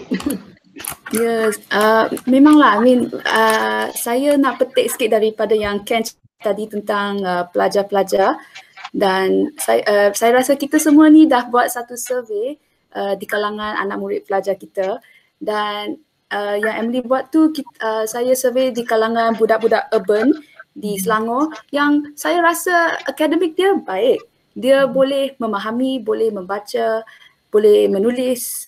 Uh, tapi bila masuk bab uh, kesedaran media ni, uh, cara dia memandang solusi kepada kekurangan literasi media di kalangan belia, solusi yang dia fikirkan tu lebih kepada uh, external regulation. So ada benda yang dia cakap macam oh kita mesti ada lebih banyak fact checking sites untuk orang pergi uh, tinjau dan cek sama ada uh, sumber maklumat tu sahih ke tidak. So hmm. dia lebih dia dia ni pelajar so dia lebih macam bergantung kepada uh, luar tapi uh, rasanya yang penting tu diri dia skills yang dia kena ada macam Atika mention tadi. So itulah uh, saya rasa satu benda yang uh, uh, agak uh, kita kena tackle lah sebagai pendidik untuk ada skill pelajar tu dia tak payah bergantung pada orang lain atau fact checking sites untuk bagi tahu dia yang satu maklumat tu sahih ke tak tapi dia sendiri boleh membawa kemahiran tu ke mana-mana aplikasi dalam uh, pelbagai konteks dari maklumat sehingga media. Hmm. hmm. Bila bila uh, Emily cakap tadi kan yang uh, kita, kita nak nak kurangkan kebergantungan pelajar tu kepada uh, pihak luar jangan semata-mata letak uh, tanggungjawab kepada pihak luar untuk bantu kita untuk menentusahkan sebarang maklumat. Tapi kita sendiri tak kena ada kemahiran yang sesuai untuk digunakan dan diaplikasikan bila-bila kan. Uh, hmm. Jadi sekarang ni cuma, jom kita bincang pula macam mana nak tengok apa ruang yang kita boleh integrasikan literasi media ke dalam mana-mana bilik darjah. Ataupun sekarang ni tak ada bilik darjah, screen darjah kot. Kan? Dah tak ada bilik darjah. Dah sekolah, dah sekolah. Ah, sekolah, sekolah, ah, sekolah akan buka ah, tu tak tahu lah tu. Tak tahu, tak tahu, tak nak komen lagi. Uh, apa? Um, tu sekarang ni kan, uh, apa yang saya tahu ialah pengasas-pengasas MIFA ada buat belajar sikit. Kan? Pengasas MIFA pun ada belajar juga sebelum nak nak kongsikan nanti kepada rakan-rakan pendidik yang lain. Mungkin hmm. boleh kongsikan serba sedikit apa jenis-jenis kemahiran digital yang korang dah belajar melalui MIFA kan yang boleh diaplikasikan untuk diri sendiri uh, dari segi macam mana kita nak uh, pastikan kita selamat menggunakan internet dengan selamat dan tidak menyebabkan kita uh, men- mengongsi uh, perkara yang tidak pasti. Banyak tu. Ha, benda yang paling saya suka share dengan student ni memang sebab belajar kan. Kita belajar sama-sama apa benda yang kita nak kena buat. First kita kena definitely lateral reading tu adalah benda yang paling penting. Bila dapat maklumat, jangan just terus terima satu sumber tu saja. Biasakan dalam semua semua student kita pandai lah buka 100 tab tak adalah 100. Ada banyak tab dekat browser dia. Kalau dia boleh buat macam tu untuk cari Samsung, bukan Samsung, handphone terbaik, kamera phone terbaik 2021 dan cakap buka 100 tab dekat dia punya tu untuk reading, kenapa bila dapat maklumat-maklumat yang lebih serius bukan pasal game, bukan pasal Mobile Legend ataupun bukan pasal PUBG kan buka juga banyak-banyak tab dan cuba dapatkan go read deeper. Uh, lebih dengan mudah. Itu yang kita saya memang selalu cakap dengan student. So bila kita practice benda ni selalu lama-lama dia jadi habit. Mm-mm. apa saja maklumat kita dapat kita akan eh kena klik lagi ni eh. Ni macam kurang okey dia sumber ni. Cari sumber nombor dua nombor tiga nombor empat ni ada content menarik dalam tu klik lagi baca lagi. Sekarang kan dah senang macam boleh right click search google right click search google je. Ha, yang tu ada berkait dengan reverse image search kan. Dan Atika tadi ada mention uh, pasal site Jakim yang buat fact check bahawa oh image ni dari berapa tahun yang lalu. So kalau kita nak check, kita sendiri pun boleh check dengan right, right click dan search uh, image dekat Google. So itu juga satu kemahiran reverse image search. sangat seronok kan guna reverse image search tu Ha Banyak betul. seronok. Okay, okay. Ada ada ada soalan sebelum korang cerita lebih le- uh, lebih lagi tentang apa lagi uh, aplikasi ataupun cara ataupun uh, kemahiran yang korang dah belajar. Okay. Tadi korang cakap pasal reverse image senang sangat boleh right click dan cari je kan. Okay. Lepas korang tahu, kalau lepas korang belajar kemahiran tu, okay. Honest tau eh. Siapa yang pergi reverse image search gambar di sini?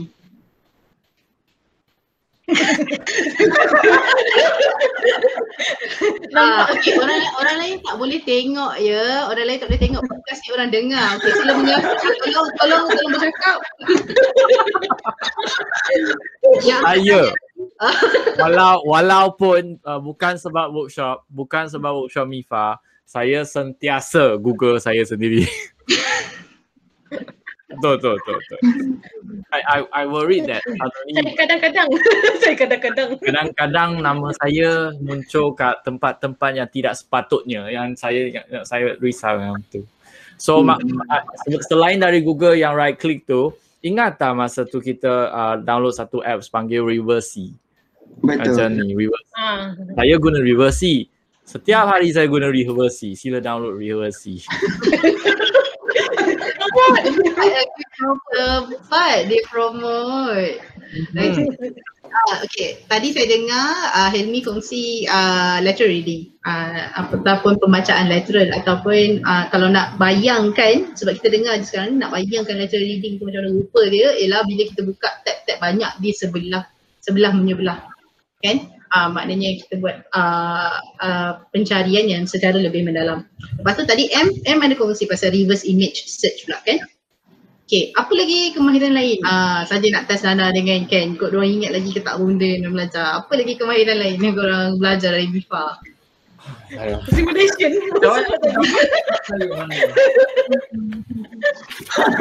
Saya ada note. Ha, okay. Jap, jap, jap, jap. Uh, uh, uh, click to restrain, kita ada geolocation, kita ada Ah. critical thinking. Ah, ni Okay, okay. betul betul kita kena ada apa skill critical observation right critical observation. Dan penting tengok dan sekali. berfikir jangan tengok dan tak fikir apa-apa Betul. Sebab kan saya rasakan uh, sebab kritik pasal critical thinking ni macam kita masih kurang lagi uh, critical thinking dalam masa uh, masa primary school dengan secondary school. Sebab saya rasakan masa sekolah rendah I tak tahu sekarang punya syllabus macam mana tapi masa syllabus saya uh, sekolah rendah masa dulu tahun 95 sampai 2000 yang masa tu memang tak ada critical, tak ada critical thinking langsung. Cikgu macam sumbat masuk, buka mulut, masuk nasi, ah kunyah sekarang macam. betul So that I, I, I still remember that day um, when I was first time I was teaching in university in, in my college. Then I asked them with this question: I, What what is your thought? Apakah pem, uh, pandangan anda? Satu kelas tak boleh jawab.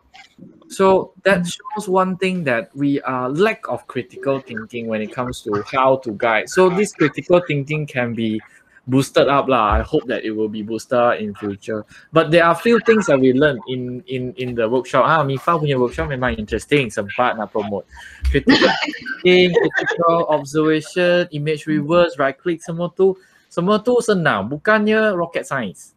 Semua senang. Ni ah, kanak-kanak, abang-abang adik, uh, pak cik makcik pun boleh belajar. Senang saja. Hmm. Tapi kalau untuk uh, sekarang untuk sekolah rendah, kami ada uh, fokus kepada kebat. Kemahiran Hmm. berfikir tinggi. Uh, baru nak mula lah dalam beberapa tahun ni baru nak mula kebat tapi Hmm. kena ambil flow lah dia punya apa uh, cara nak buat aplikasi kebat tu. And then Hmm. kadang-kadang orang tak faham kebat tu juga. Dia ingat macam soalan tu kena pelik-pelik, kena cari yang pening-pening murid. Tak, sebenarnya kebat tu uh, lebih kepada critical, thinking tu lah. Uh-uh. Cuma bila orang tak faham, dia ingat kebat tu kena yang susah-susah. Yang budak satu kali dia tak tahu apa nak cari jawapan. Lepas tu bila contohnya macam KPM guna kaedah PK 21, kaedah-kaedah tu interesting. Tapi kalau kita tak tahu maklumat tu, susah juga. Contohnya lah kita macam ada hot seat, ada macam uh, gallery walk, dia banyak kaedah. Tapi Hmm. uh, kalau guru-guru guru kalau guru dia tak dapat uh, message tu, Hmm. jadi dia ingat benda tu macam beban kena mengajar. Hmm. Ah, dia kena rasa macam, eh, benda kat sekolah, kena aplikasi. Tapi sebenarnya kalau ikut betul-betul sekarang education, murid yang buat, kita guide. Hmm. Itu sebenarnya sekarang ni. Ha, tapi kita bawa nak mula. kita bawa nak mula. Ha, jadi kena ada masa lah. Ha, dia punya flow dia. Betul betul. Saya saya setuju dengan apa yang Nana cakap yang kita perlu faham konsep uh, ataupun Hmm. tujuan sesuatu uh, benda tu diperkenalkan. Dan sebenarnya macam Nana cakap lah, kebat ni menarik. Cuma banyak orang dia ada bad impression of kebat sebab dia tak faham Hmm. kebat tu apa. Dan PAK 21 pun sama macam Nana cakap tadi, ah wah nak kena plan lah, nak kena buat lah semua dia rasa beban. Which uh, membawa kita kepada perbincangan kita MIFA ni nanti pengasas-pengasas MIFA ni dia akan uh, sebar luaskan pula uh, tentang literasi media kepada pendidik-pendidik lain. Nanti dia akan tanya pula, Eh, dah lah kebat dah datang. Lepas tu literasi kewangan. Ni literasi media mana pula datang mana hala ni. Cuma lagi satu benda baru ni. Mampus lah. Banyak lagi baru kan. Banyak lagi apa benda lagi kau nak hempuk kat kita orang ha, kan. Benda biasa. Saya bagi tahu eh benda reality sebab saya juga pernah mengajar. Uh, uh, dan kita juga macam ada kawan-kawan yang mengajar sampai sekarang macam kawan-kawan saya ni. So kita tahu reality ni. Dan kita dalam dalam podcast ni kita nak cerita re- reality bukan kita nak komplain benda tu susah. Tapi kita nak bagi tahu okey apa cabaran kita. So bersama-sama macam mana kita nak atasi cabaran ni. Kan? Hmm. Supaya semua orang boleh buat. Itu tujuan dia. Memang saya akan cakap benda yang apa susahnya. Memang kita kena bagi tahu. Dulu saya pernah kerja, saya pernah kerja corporate juga. So dalam kerja corporate tu ada uh, headquarters, head office dengan division, division, division. Saya ada kat division. Selalu uh, selalunya apa yang terjadi bila ada benda-benda baru macam ni lah, cakap ke apa ke sama. Dekat dalam company pun sama je weh. Macam tiba-tiba datang Wahyu, Wahyu, okay Wahyu dari atas. Dia datang dengan benda baru, dia datang dengan benda baru, dia nak kena operation kena buat, dia panggil semua division, division leaders. Saya tak kata saya division leader lah kan, saya ikut je. Macam tu. Tapi dia cakap lah, okay buat ni, buat ni, buat ni, buat ni untuk HR. So orang dekat division dia memang ber, bekerja rapat dengan uh, orang-orang operation. Macam saya dekat industrial, so kita punya staff dekat division ialah mekanik, technician, orang memang bawah, bawah, bawah. Gitu, so kita selalu marah macam ni lah. Eh kalau orang kat head office, head office tu, dia orang kerja dengan dia orang je. Oh, tinggi dekat pejabat tinggi-tinggi tu, ha, helicopter view je, tak faham apa pun. Dia tiba-tiba nak bagi pok wahyu macam ni, so kita buat. Lepas tu bila kita meeting, kita cakap lah, oh kita ada cabaran ni, ni, ni, ni, ni, ni tak boleh buat, ni tak boleh buat, dia tak boleh buat. Uh, ada respon yang macam ni. Ah, tu kita nak dengar eh. Pandai-pandai korang lah. Ah. So, so, so, saya rasa benda selalu berlaku juga dalam pendidikan. Kan? Yes. Ah, dia, dia taktik untuk untuk meyakinkan nak bagi orang faham tu ada sesetengah pegawai yang tak ada benda ni. Hmm. Kan? So dia Hmm. dekat atas saya cakap Pun buat je lah. Kan? Ini arahan. Dan saya yang menjalankan amanah. Kan? Macam tu. Betul. Hmm. So so um so macam mana caranya mungkin uh, korang boleh bagi pendapat uh, cadangan sikit macam mana kita nak nak kurangkan rasa uh, gerun cikgu-cikgu dan pendidik-pendidik lain yang literasi media ni Allah satu benda baru lagi datang dah dah macam tu. Hmm. Banyak Saya mau ikut pengalaman saya, uh, saya saya memang suka share dengan student lah tentang media literacy ni kan sepanjang mengajar ni. Uh, saya suka gunakan teknik-teknik uh, macam saya cakap mencari maklumat lah. Banyak banyak pada mencari maklumat. Itu cuba relate dengan apa yang orang suka. Saya cakap you belajar benda ni tak susah. Banyak untuk kepentingan diri. Satu you suka stalk orang you boleh gunakan skill untuk stalk orang you boleh find more information about your scandal untuk you punya you punya uh, untuk you punya crush. Faham tak? You, banyak benda you boleh tahu pasal benda-benda ni. And then saya cakap, you buat assignment dan you rasa buat assignment tu susah. Hakikatnya buat assignment tu senang sebab maklumat yang you nak tu semua dah ada dekat internet. Hmm. Anda kena tahu nak cari kat mana so saya ajar awak cara untuk cari maklumat yang mudah dekat internet untuk kegunaan belajar dan untuk kegunaan peribadi. Hmm. Minat tu dah ada kat situ, dia akan buat tak cukup nak lagi, nak lagi. Saya lagi juga perasaan yang macam, oh yang tu tak boleh, sampai situ je. Nanti kalau tahu lebih, dia akan jadi tak elok. oh. So, ni, ni macam nak boleh boleh hack orang ni. Oh, yang tu kita stop sampai situ je dulu. Minggu depan dia tanya, student akan tanya, sir, minggu depan, minggu lepas sir dia cakap nak share something, okay kita share. Dia ada element of surprise, benda yang nak, Uh, saya memang macam macam kan kan tunjuk gambar sendiri kita ambil gambar student letakkan kat situ. Ada muka dia dekat situ, podcast akan jerit bila nampak muka kawan je ada keluar. Oh tapi tapi takut juga kan tiba-tiba keluar benda yang tak sen, tak sepatutnya kita kena dulu kita punya result tu kena feel yang sepatutnya. So dia orang akan super excited benda-benda macam tu bila boleh relate. Kalau hmm. tak boleh tak nak belajar. Betul. Kita selalu cakap pasal uh, kita perlu kita perlu bagi uh, perhatian lebih kepada relatable. Uh, benda-benda uh, how to make it relatable. Dalam uh, dalam pembelajaran dan pengajaran sendiri kita banyak tekankan kepada uh, how relatable is this to your student? How can your student relate to what you are trying to teach or what you are trying to share kan? Apa benda yang kongsi? Uh, dia boleh buat berkaitan tak? Dia boleh faham tak? Uh, dia boleh tak bayangkan benda tu dalam hidup dia kan? Untuk membentuk satu jenis pembelajaran dan pengajaran yang bermakna. Dan itu juga maknanya benda yang sama akan berlaku kepada bila kita nak buat benda baru kepada pendidik-pendidik lain kan? Kita kena macam tadi Hilmi cakap lah kita bukan nak cakap okay ni kerja kau kau cikgu kan kau lecturer kan? Ah ni kerja kau. Macam tu. Tapi apa kelebihan dia dari segi uh, kehidupan peribadi dia?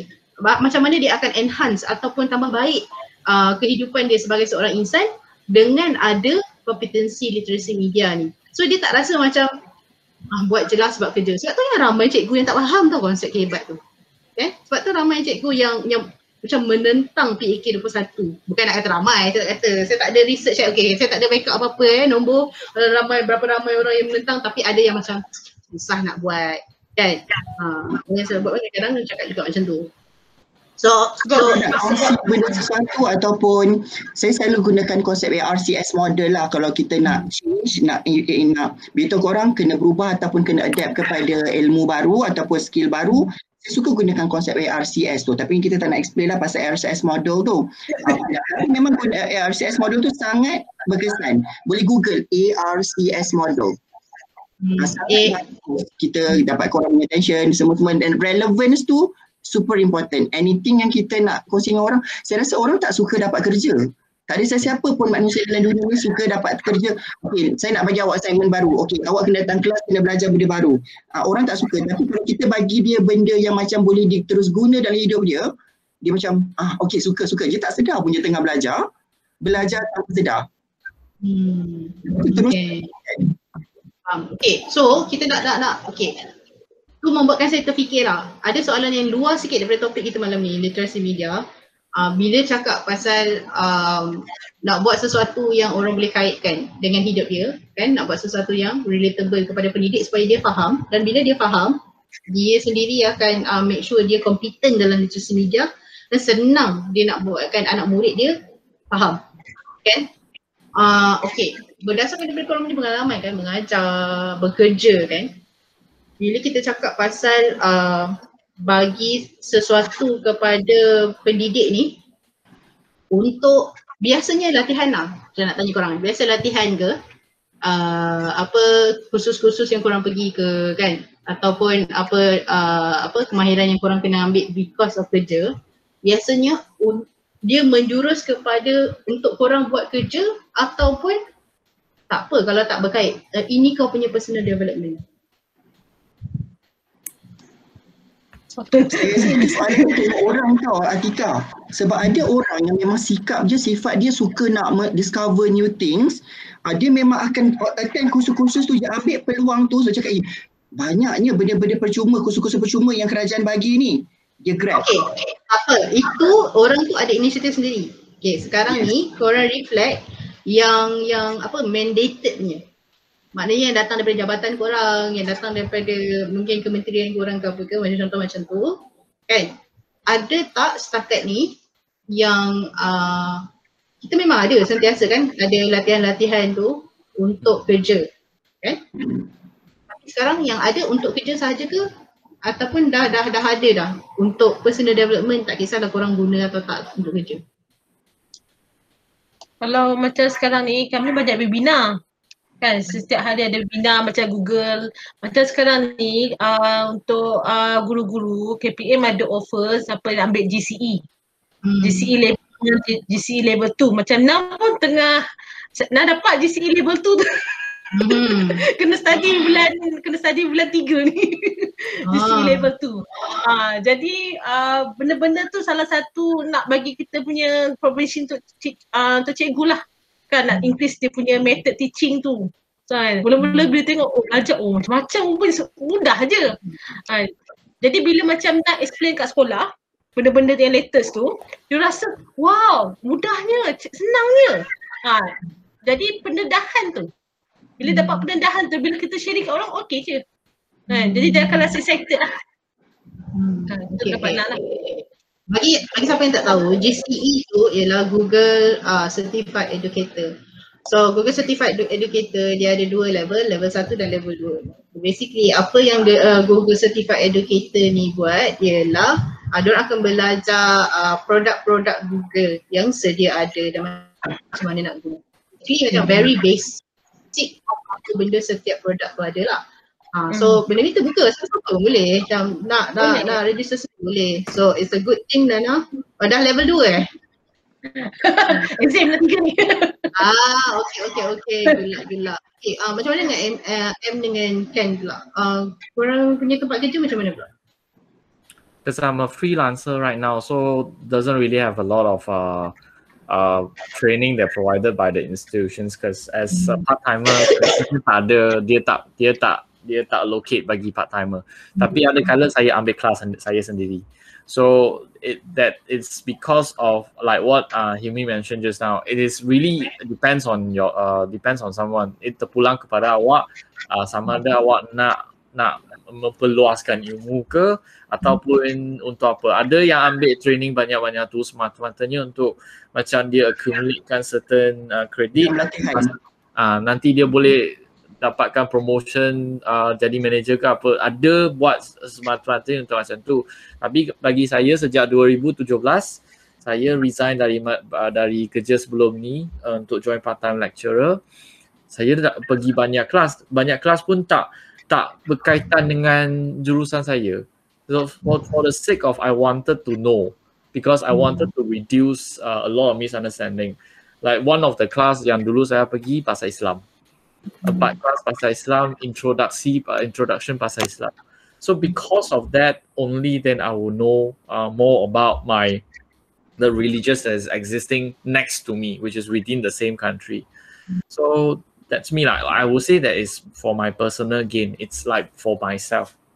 Tamak sikit untuk saya sendiri je. Bukan untuk apa. Amat umum. Okay, ada ada tamak yang bagus.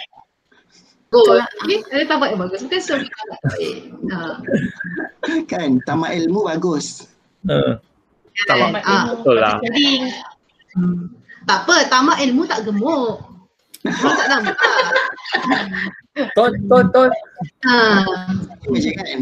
Ha kan kalau kalau orang nak bayangkan lah Ken ni rupa dia macam mana sebab kita dengar audio Ken ni sangat kurus kering okay Terus Dia kontang. Terus kontang. ha, okay uh, M. Uh, tempat kerja M pula macam mana? Uh, tempat kerja saya sekarang ni sekolah swasta. Tapi kalau I banding sekolah swasta dengan kerajaan persamaan dia ialah kalau personal development uh, professional development ni uh, dia ada yang wajib macam ladap kat sekolah kerajaan dan ada yang you boleh buat untuk tambahan markah. So rasanya yang paling uh, the one that really excites me ialah benda yang bila saya masuk webinar ke masuk workshop ke kita boleh ambil benda tu dan terus terap dalam kelas dan saya hmm. rasa untuk macam modul media literasi yang kita dengar develop ni untuk pendidik uh, sebab kita ni berlatar belakang yang sangat-sangat berbeza kan. Ada cikgu language, ada cikgu sains, ada cikgu uh, dalam bidang media sendiri. So rasanya dia akan menjadi satu modul yang betul-betul uh, kita cubalah uh, untuk uh, me- menjadi satu yang boleh diaplikasikan uh, ke seluruh bidang uh, pendidikan. So rasanya itulah yang akan me, apa, apa tu macam draw orang untuk buat kursus tu dengan uh, semangat. Ya. Yeah. Okay, so dia tak rasa macam ah, oh ni untuk subjek ah, bahasa Inggeris je. So sebab tak berkait dengan dia, dia rasa tak perlu. Kan? Hmm. Okay, okay. Um, apa lagi agaknya uh, cara lain kan uh, pada pendapat korang? uh, untuk kita tarik perhatian uh, pendidik-pendidik lain uh, untuk sokong dan ikut uh, literasi media ni.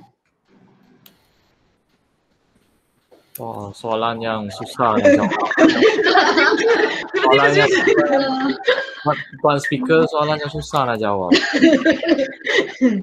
Kalau saya punya pendapat, saya suka uh, try to understand kita punya kumpulan sasaran tu dulu. Sebab hmm. kumpulan sasaran kita akan ada approach yang berbeza-beza. In psychology, kita tahu ada orang kita boleh takutkan dia untuk setuju dengan kita. Tapi ada hmm. orang bagi dia rewards untuk setuju dengan kita. So kita kena understand orang punya psikologi dulu. Siapa target audience kita dan kita approach in the proper way, insyaAllah senang untuk kita dapatkan dia punya persetujuan. Orang PR sangat bagus ni kalau can buat benda ni. Jangan nak bongkar rahsia. Kita boleh buat iklan ni. but, uh, but what you mean say yes betul. Kita kena tahu siapa sasar, siapa target audience kita dulu dan kita boleh strategiskan cara macam mana kita nak tackle. Kalau kita tackle smart, uh, buat macam biasa-biasa je memang tak boleh. So we have to know who are they. Are they even though uh, like let's say in private school macam Cikgu Emily, then in a, in a public school macam Cikgu Nana, maybe the entire uh, uh, suasana yang tidak sama. So we have to find what is the target then baru kita boleh buat lah. Eh lah macam lah saya buat jadi dah. orang-orang yang macam kan, kita tahu nak cakap sebab dia nak something, dia nak a bigger purpose in life. Dia nak serve society ke higher level. You bagi oh, benda dekat dia, dia akan kejar, grab, ambil. Tapi tak semua orang macam tu. Ah, Betul. Uh, saya tamak. Ha, orang ada yang Zul selesa. Zul selesa. Betul, betul, Orang yang uh, dia buat sesuatu sebab itu apa yang dia nak capai dalam hidup dia dan itu tujuan hidup dia. Tapi mungkin ada kawan-kawan cikgu kita, kawan-kawan pensyarah kita yang dia mengajar ni bukan untuk dia mengembangkan tamadun. Ha, dia mengajar ni bukannya untuk meningkatkan, you know, uh, memanusiakan insan. Dia mengajar sebab duit. Dia mengajar sebab dia perlukan kerja tu. Kan? Jadi kita tak perlu nak cakap eh hey, jijik lah kerja macam ni kan. Kenapa kau ni pendidik tapi buat kerja macam ni tak niat uh, ikhlas, tak ikhlas apa semua. Tak kita tak perlu mempersoalkan ikhlas atau ikhlas niat tu. Sebab apa-apa yang orang tu buat itu keputusan dia. Kan? Tadi kita dah cakap dah kita perlu bersifat terbuka kepada semua orang. Semua orang buat keputusan dan apa yang dia uh, pilih untuk kehidupan dia itu keputusan dia. Kan? Hmm. Macam tadi dia cakap lah. Okay. So kalau uh, dia tu jenis yang uh, okay. Apa benefit yang dia akan dapat? Okay? so setengah cikgu mungkin dia bukan nak macam oh sebab saya ada kesedaran ni kita perlu kembangkan. Macam Ken lah kan. Ha, tapi ada cikgu yang macam eh saya nak tahu benda ni sebab saya nak dapat point. Saya dapat CPA point. Ha, saya nak dapat sijil so kenalah buat macam tu. Kenalah bagi sijil dekat orang yang nak sijil kan. Ha, macam Ken dia tak perlu sijil. Tak perlu. Ha, dengan kata-kata manis. Ha, pengajar mepa. Dekat dekat satu. Subscribe, subscribe sama punya YouTube dah. Hmm. Eh, ah, tu salah satu sebab apa? saya pernah cuba dengan uh, few friends of mine. Bila kita dah mula kenal orang kita akan tahu oh orang ni kita kena gunakan je scare taktik sikit. Sebab kalau kita cakap you kena join benda ni kalau you join you akan dapat benefit A, B, C, D, E sampai Z. You cerita pun dia macam tak peduli. Tapi tiba-tiba I tukar eh you kalau tak buat benda macam ni it's gonna affect you punya anak-anak. Can you imagine anak-anak you jadi macam ni? Okay okay I join. Sebab aku tak nak anak aku jadi macam ni tapi ada orang pula macam yang yang sangat macam goal oriented. Oh you kalau buat ni mudah lah luar kerja you jadi macam ni macam ni macam ni. hmm, Terus grab. So kita akan kenal lah kawan-kawan kita siapa dekat keliling kita cara approach yang macam tu. Kadang-kadang bila I pergi macam ada kursus-kursus motivasi, the first hour session introduction untuk kursus tu dia akan guna dua-dua sebab audience kan ramai dia cakap dekat seribu orang. So dia bagi benefit, benefit, benefit macam buka minda, buka minda, buka minda. Oh betul lah, banyaknya benefit aku boleh dapat. Self development, family, sumbangan aku kepada negara and whatsoever. Tiba-tiba ada juga kalau tak buat, efek dia macam ni, macam ni, macam ni. Hmm. Ha, so jadi eh, orang yang takut tu eh betul juga kalau aku tak buat macam ni, efek dia macam ni, macam ni pula. Okay, uh, maybe M Ya, yeah, maybe M dengan Nana nak expand daripada apa yang ha, Hilmi dengan Ken cakap tadi ataupun ada pendapat lain atau cadangan lain ke?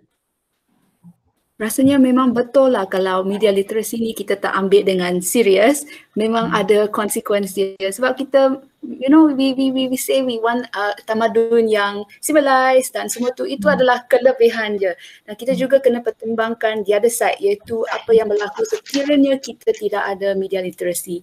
So kita mungkin berasa ag- agak lawak lah kalau you know orang-orang tua dia share benda yang tak sahih ke apa. Tapi apakah yang uh, implikasi yang serius daripada tu? Uh, macam uh, Hilmi dan Ken juga dah dah ulas tadi uh, ketua-ketua masyarakat yang buat be- begitu uh, akan me, me contribute to kemerosotan masyarakat dan akan uh, ada padahnya. Dan itu itulah cara dia kita nak uh, fikirkan dan kita juga kena sedarkan orang. Hilmi kata uh, different type of motivation. Hmm. Nana pula rasa macam mana? Saya kan saya suka saya, saya, saya suka menyampuk kan. saya suka menyampuk.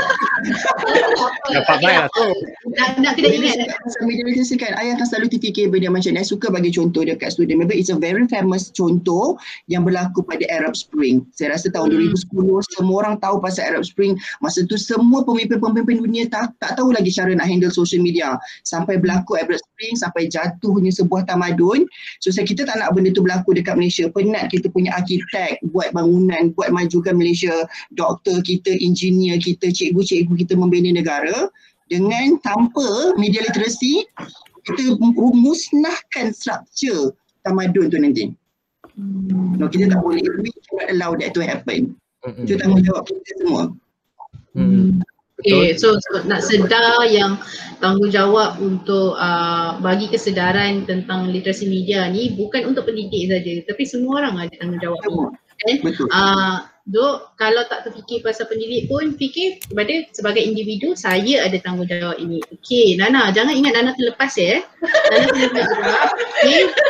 Ah, dia duduk senyap-senyap dekat situ. Orang ingat tadi masa Hilmi cakap nak menyampuk tadi saya ingat macam nak buat mental note. Ah, nak kena tanya Nana ni. Pendapat dia macam mana cara kita ah, nak tarik cikgu-cikgu nak tarik pensyarah-pensyarah supaya ah, apa sokong dan dan terlibat dengan kesedaran literasi media. Okay, uh, kalau macam Nala kan kami banyak grup. Uh, kita cakap dia macam grup. Hmm. Dan Nala Nala ada tengok yang grup cikgu-cikgu yang very very sangat komitmen. Yang tak tidur malam, yang buat BBM, yang siapkan video-video mengajar. Nak tahu ada memang ramai cikgu-cikgu yang di luar sana memang yang yang hebat lah memang sepenuhnya jiwanya dalam dunia pendidikan. Hmm. Dan bila dia dengar benda ni, dia automatik dia akan tertarik dulu. Dia dia orang yang akan tertarik dulu. Uh, cikgu-cikgu ni. Uh, jadi kalau kita dapat target guru-guru macam ni, target kita bagi macam details ke dia punya penerangan ke apa, kita cakap kita cakap senang dia macam dekat kat cikgu-cikgu ni. Media literasi sebenarnya dah dibuat di kelas. Cuma cikgu-cikgu tak perasan. Contohlah macam Najah sejarah, uh, macam mana buat literasi uh, media semua tu, bila kita buat ajar ajar sejarah, murid-murid cari maklumat dekat internet. Ah, dia cari bahan, dia pergi apa sebenarnya dah buat. Cuma cikgu tu tak tak, tak perasan itu media apa literasi media maklumat tu. Ah, jadi kalau macam kita kalau macam Nal lah kalau sekolah rendah, sekolah rendah kan budak-budak kecil kan. Kita ajar je, ajar password dulu, tengok bahan internet. Ah, kita kita start macam benda-benda yang basic macam tu dulu. Tu sekolah rendah lah. Ah, tapi kalau yang cikgu-cikgu ni, kalau yang yang very commitment, bila dia dengar benda ni, dia yang akan mula-mula tertarik dulu untuk ikut. Ha, ada, ada, memang ada group tu. Hmm. So so bagi Lana cara kita untuk tarik ialah tarik siapa yang berminat dulu. Ah yes. Ha, so orang yang berminat ni mungkin ah bila orang Dia- yang tak lebih- nak minat, ah bila kawan mana Ah. yang tak apa nak minat tu tengok macam eh dia pun rasa FOMO. Ah so tu. Ah, yes. Ah pada Ah. dia pun macam eh apa benda korang buat macam best je. Ah. Macam Ah. semua orang cakap benda tu tapi aku tak tahu. Ah. Ah, betul betul. Eh, Kan, tak payah tak payah nak kecil hati sangat kalau ada kawan-kawan kita yang macam tak nak join ataupun uh, tak nak sokong betul. kan. Ada banyak cara ataupun ada banyak strategi yang kita boleh buat. Uh, jangan setakat nak buat strategi dalam bilik darjah je dengan kawan-kawan ada strategi juga. Kan? hmm. Uh, so okay, kita dah cakap banyak kan tapi kita nak tahu uh, korang jadi pengasas MIFA ni uh, outcome dia produk dia apa? Korang buat apa? Uh, mungkin korang boleh kongsikan sikit uh, saya dapat tahu pasal akademi MIFA kan? Mungkin korang boleh cerita sikit akademi MIFA tu apa macam macam gah sangat dia nama bunyi akademi MIFA tu and korang buat apa nanti masa akademi MIFA and how it, macam mana akademi MIFA ni berkait pula dengan rakan-rakan pendidik yang lain? Kikin. Atau sebab mungkin. Baik kita jemput juru cakap, Cik, uh, Cik Cik Hilmi. Sini. Okay. Macam bagi cikgu Mimi. Helmi macam takut nak cakap sebab dia macam overshare, ma- macam ambil orang lain punya spot. Ha, dia apa, boleh je. Boleh je.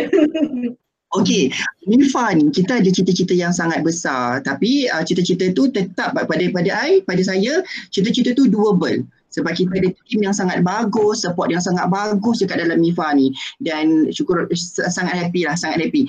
Okey, target kita eh, objektif kita pada hujung tahun ni, insyaAllah tahun ni 2021 eh.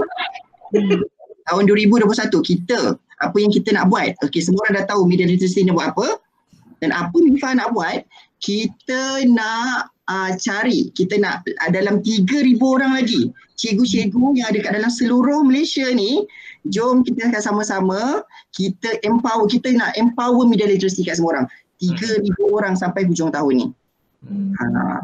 Oh, besar tak besar? Besar tapi doable sebab kita tahu cikgu-cikgu kat Malaysia ni semua hebat-hebat, semua bagus-bagus, semua ada niat untuk mendidik dan menjadikan Malaysia lebih hebat dari sekarang. Hmm. You imagine, bayangkan bila kita ada 3,000 student, eh 3,000 cikgu yang akan cakap benda ni dekat setiap seorang student di setiap tahun. Hmm. Berapa tahun je lagi selepas itu Malaysia akan jadi uh, kadar literasi Malaysia, uh, media eduki- uh, MIL Malaysia punya level akan jadi lebih tinggi. Yang itu cita-cita kita. Cita-cita semua. Hmm. Kau pegang mengaku. So, itu target lah kan, target uh, nak ada 3,000 pendidik kan. Tapi mungkin uh, M boleh uh, kongsikan dengan kawan-kawan pendidik kita yang lain bila kita cakap pasal Akademi MIFA. Orang mesti nak tahu dia dengan Akademi MIFA. So Akademi MIFA buat apa? So setakat tahu ni nak cakap apa, tapi buat apa M? So kita ni tengah membuat membina satu modul yang akan menarik 3000 orang pendidik ni untuk mengupkan skill uh, media literasi mereka. Uh, dan modul ni yang yang sangat-sangat uh, menarik ialah dia adalah berasaskan framework uh, United Nations uh, dia dia adalah berasaskan framework yang sedia ada yang uh, yang uh, dia dia membawa kepada standard yang international. Kita ada uh, akses kepada media, uh, evaluation of media, use of media, creation of media, semua tu kita akan terapkan dalam modul untuk mendapat satu modul yang cukup sempurna. Uh, uh, semogalah kita dapat satu modul yang cukup sempurna dan cukup lengkap untuk uh, target-target audience kita iaitu 3000 pendidik yang gah dan hebat ini untuk lakukan modul tu dengan sebaik mungkin. Hmm, Eh, maknanya, mengapi. oh, maknanya uh, Akademi MIFA ni maknanya cikgu-cikgu pensyarah-pensyarah rakan-rakan pendidik lain akan uh, sertai dan belajar lah literasi media kan? Uh, betul tak saya punya uh, saya punya telahan ni kan? Tepat. Betul lah sebab uh, misinya macam apa Cikgu Hilmi cakap tadi, dia nampak macam susah nak cari 3,000 orang. Dah lah benda ni bukan macam cari bisnes. Ya, ini memang nak cari pendidik-pendidik yang kita boleh uh, bekerjasama untuk membinakan MIL yang lebih tinggi. MIL ni bukan mother in law. MIL ni Media and Information Literacy. Sebab kita misi kita macam yang saya cakap tadi, uh, dia bukan yang benda yang susah, dia bukan rocket science. Uh, tapi kita nak banyak orang kita buat uh, buat we will do it together. Kita buat uh, uh, secara besar-besaran. That's, that's why we set a target of 3,000. And um, like what Cikgu Hilmi said just now, it, it is doable. I believe that even though we say, even though I mentioned that some of the teachers out there might be also, uh, they are not able to differentiate uh, the, the medias and uh, informations, they might, uh, their literacy level may be uh, low. But we cannot deny kita tak, uh, tak boleh cakap semua. Tapi ada juga uh, pendidik-pendidik yang memang mereka juga nak um, uh, build up the, the entire literacy level. So if you hear this, uh, if you listen to this podcast, we hope that somehow you can go to the Facebook and search uh, MIFA. Somehow you can go to Instagram and cari hashtag tu.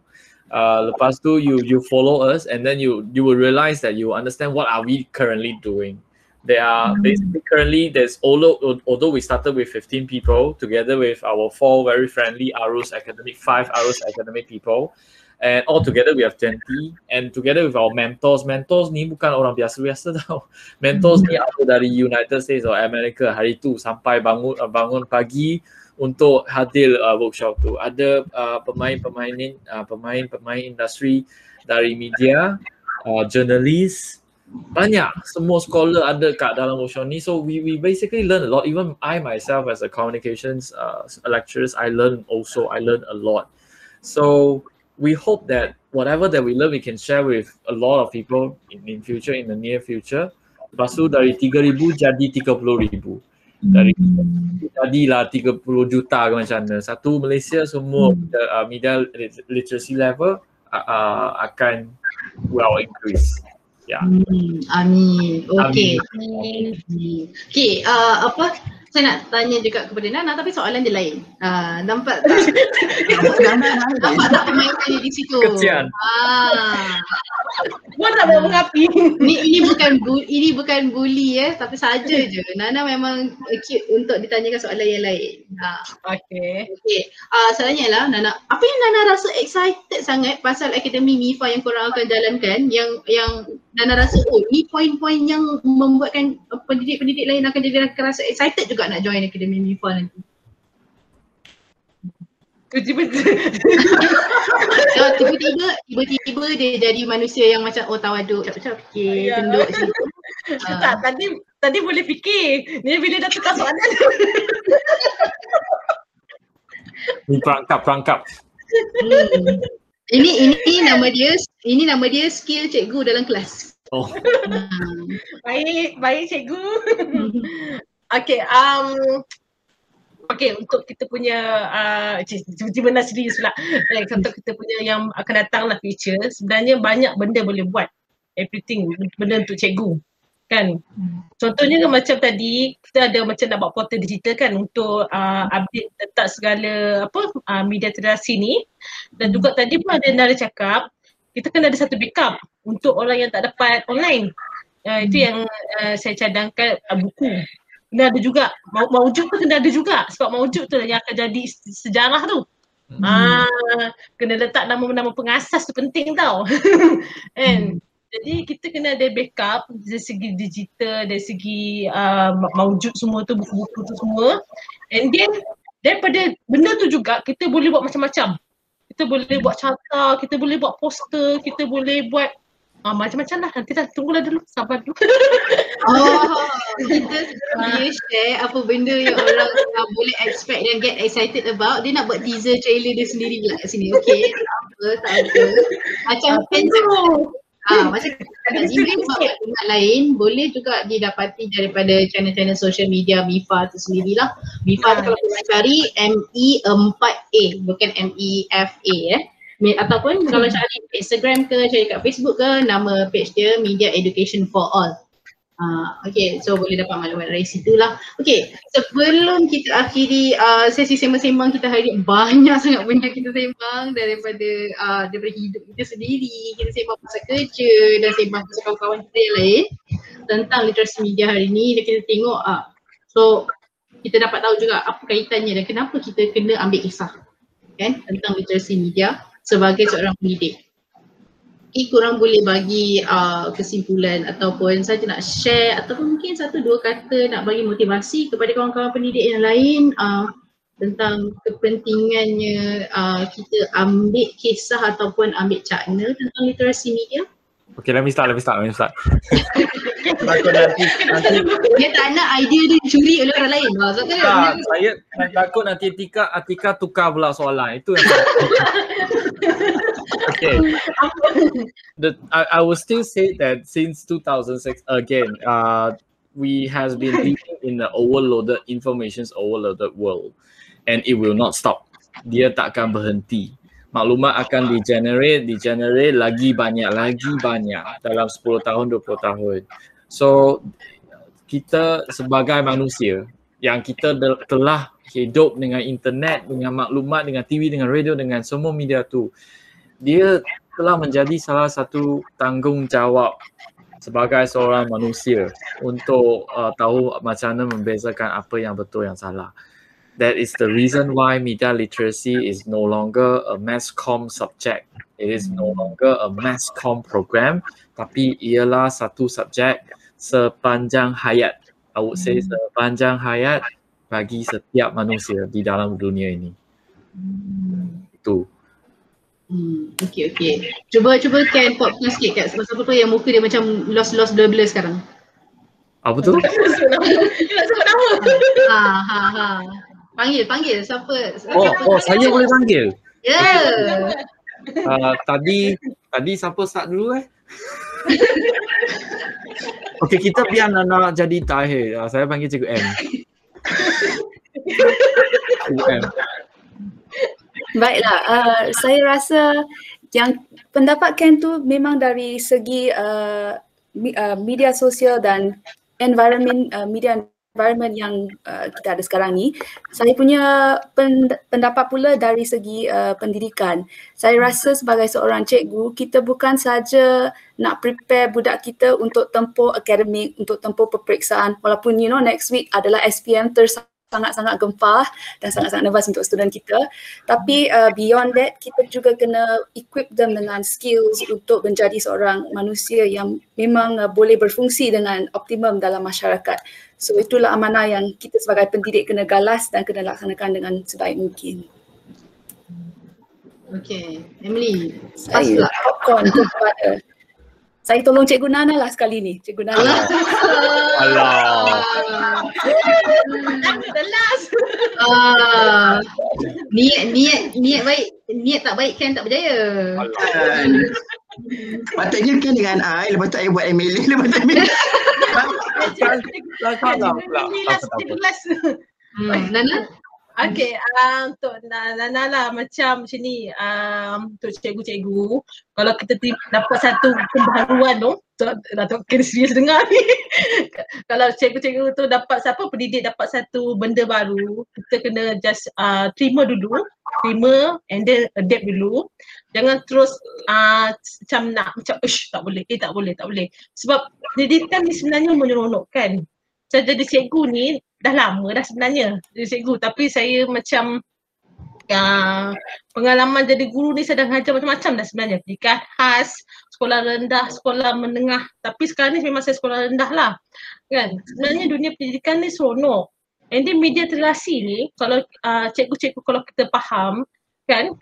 Bila kita belajar dalam kelas benda tu mudah je. Tengok-tengok siap. Ha kalau budak tahu cikgu tengok-tengok dah siap dah contohnya lah macam nak buat ajar Minecraft kan.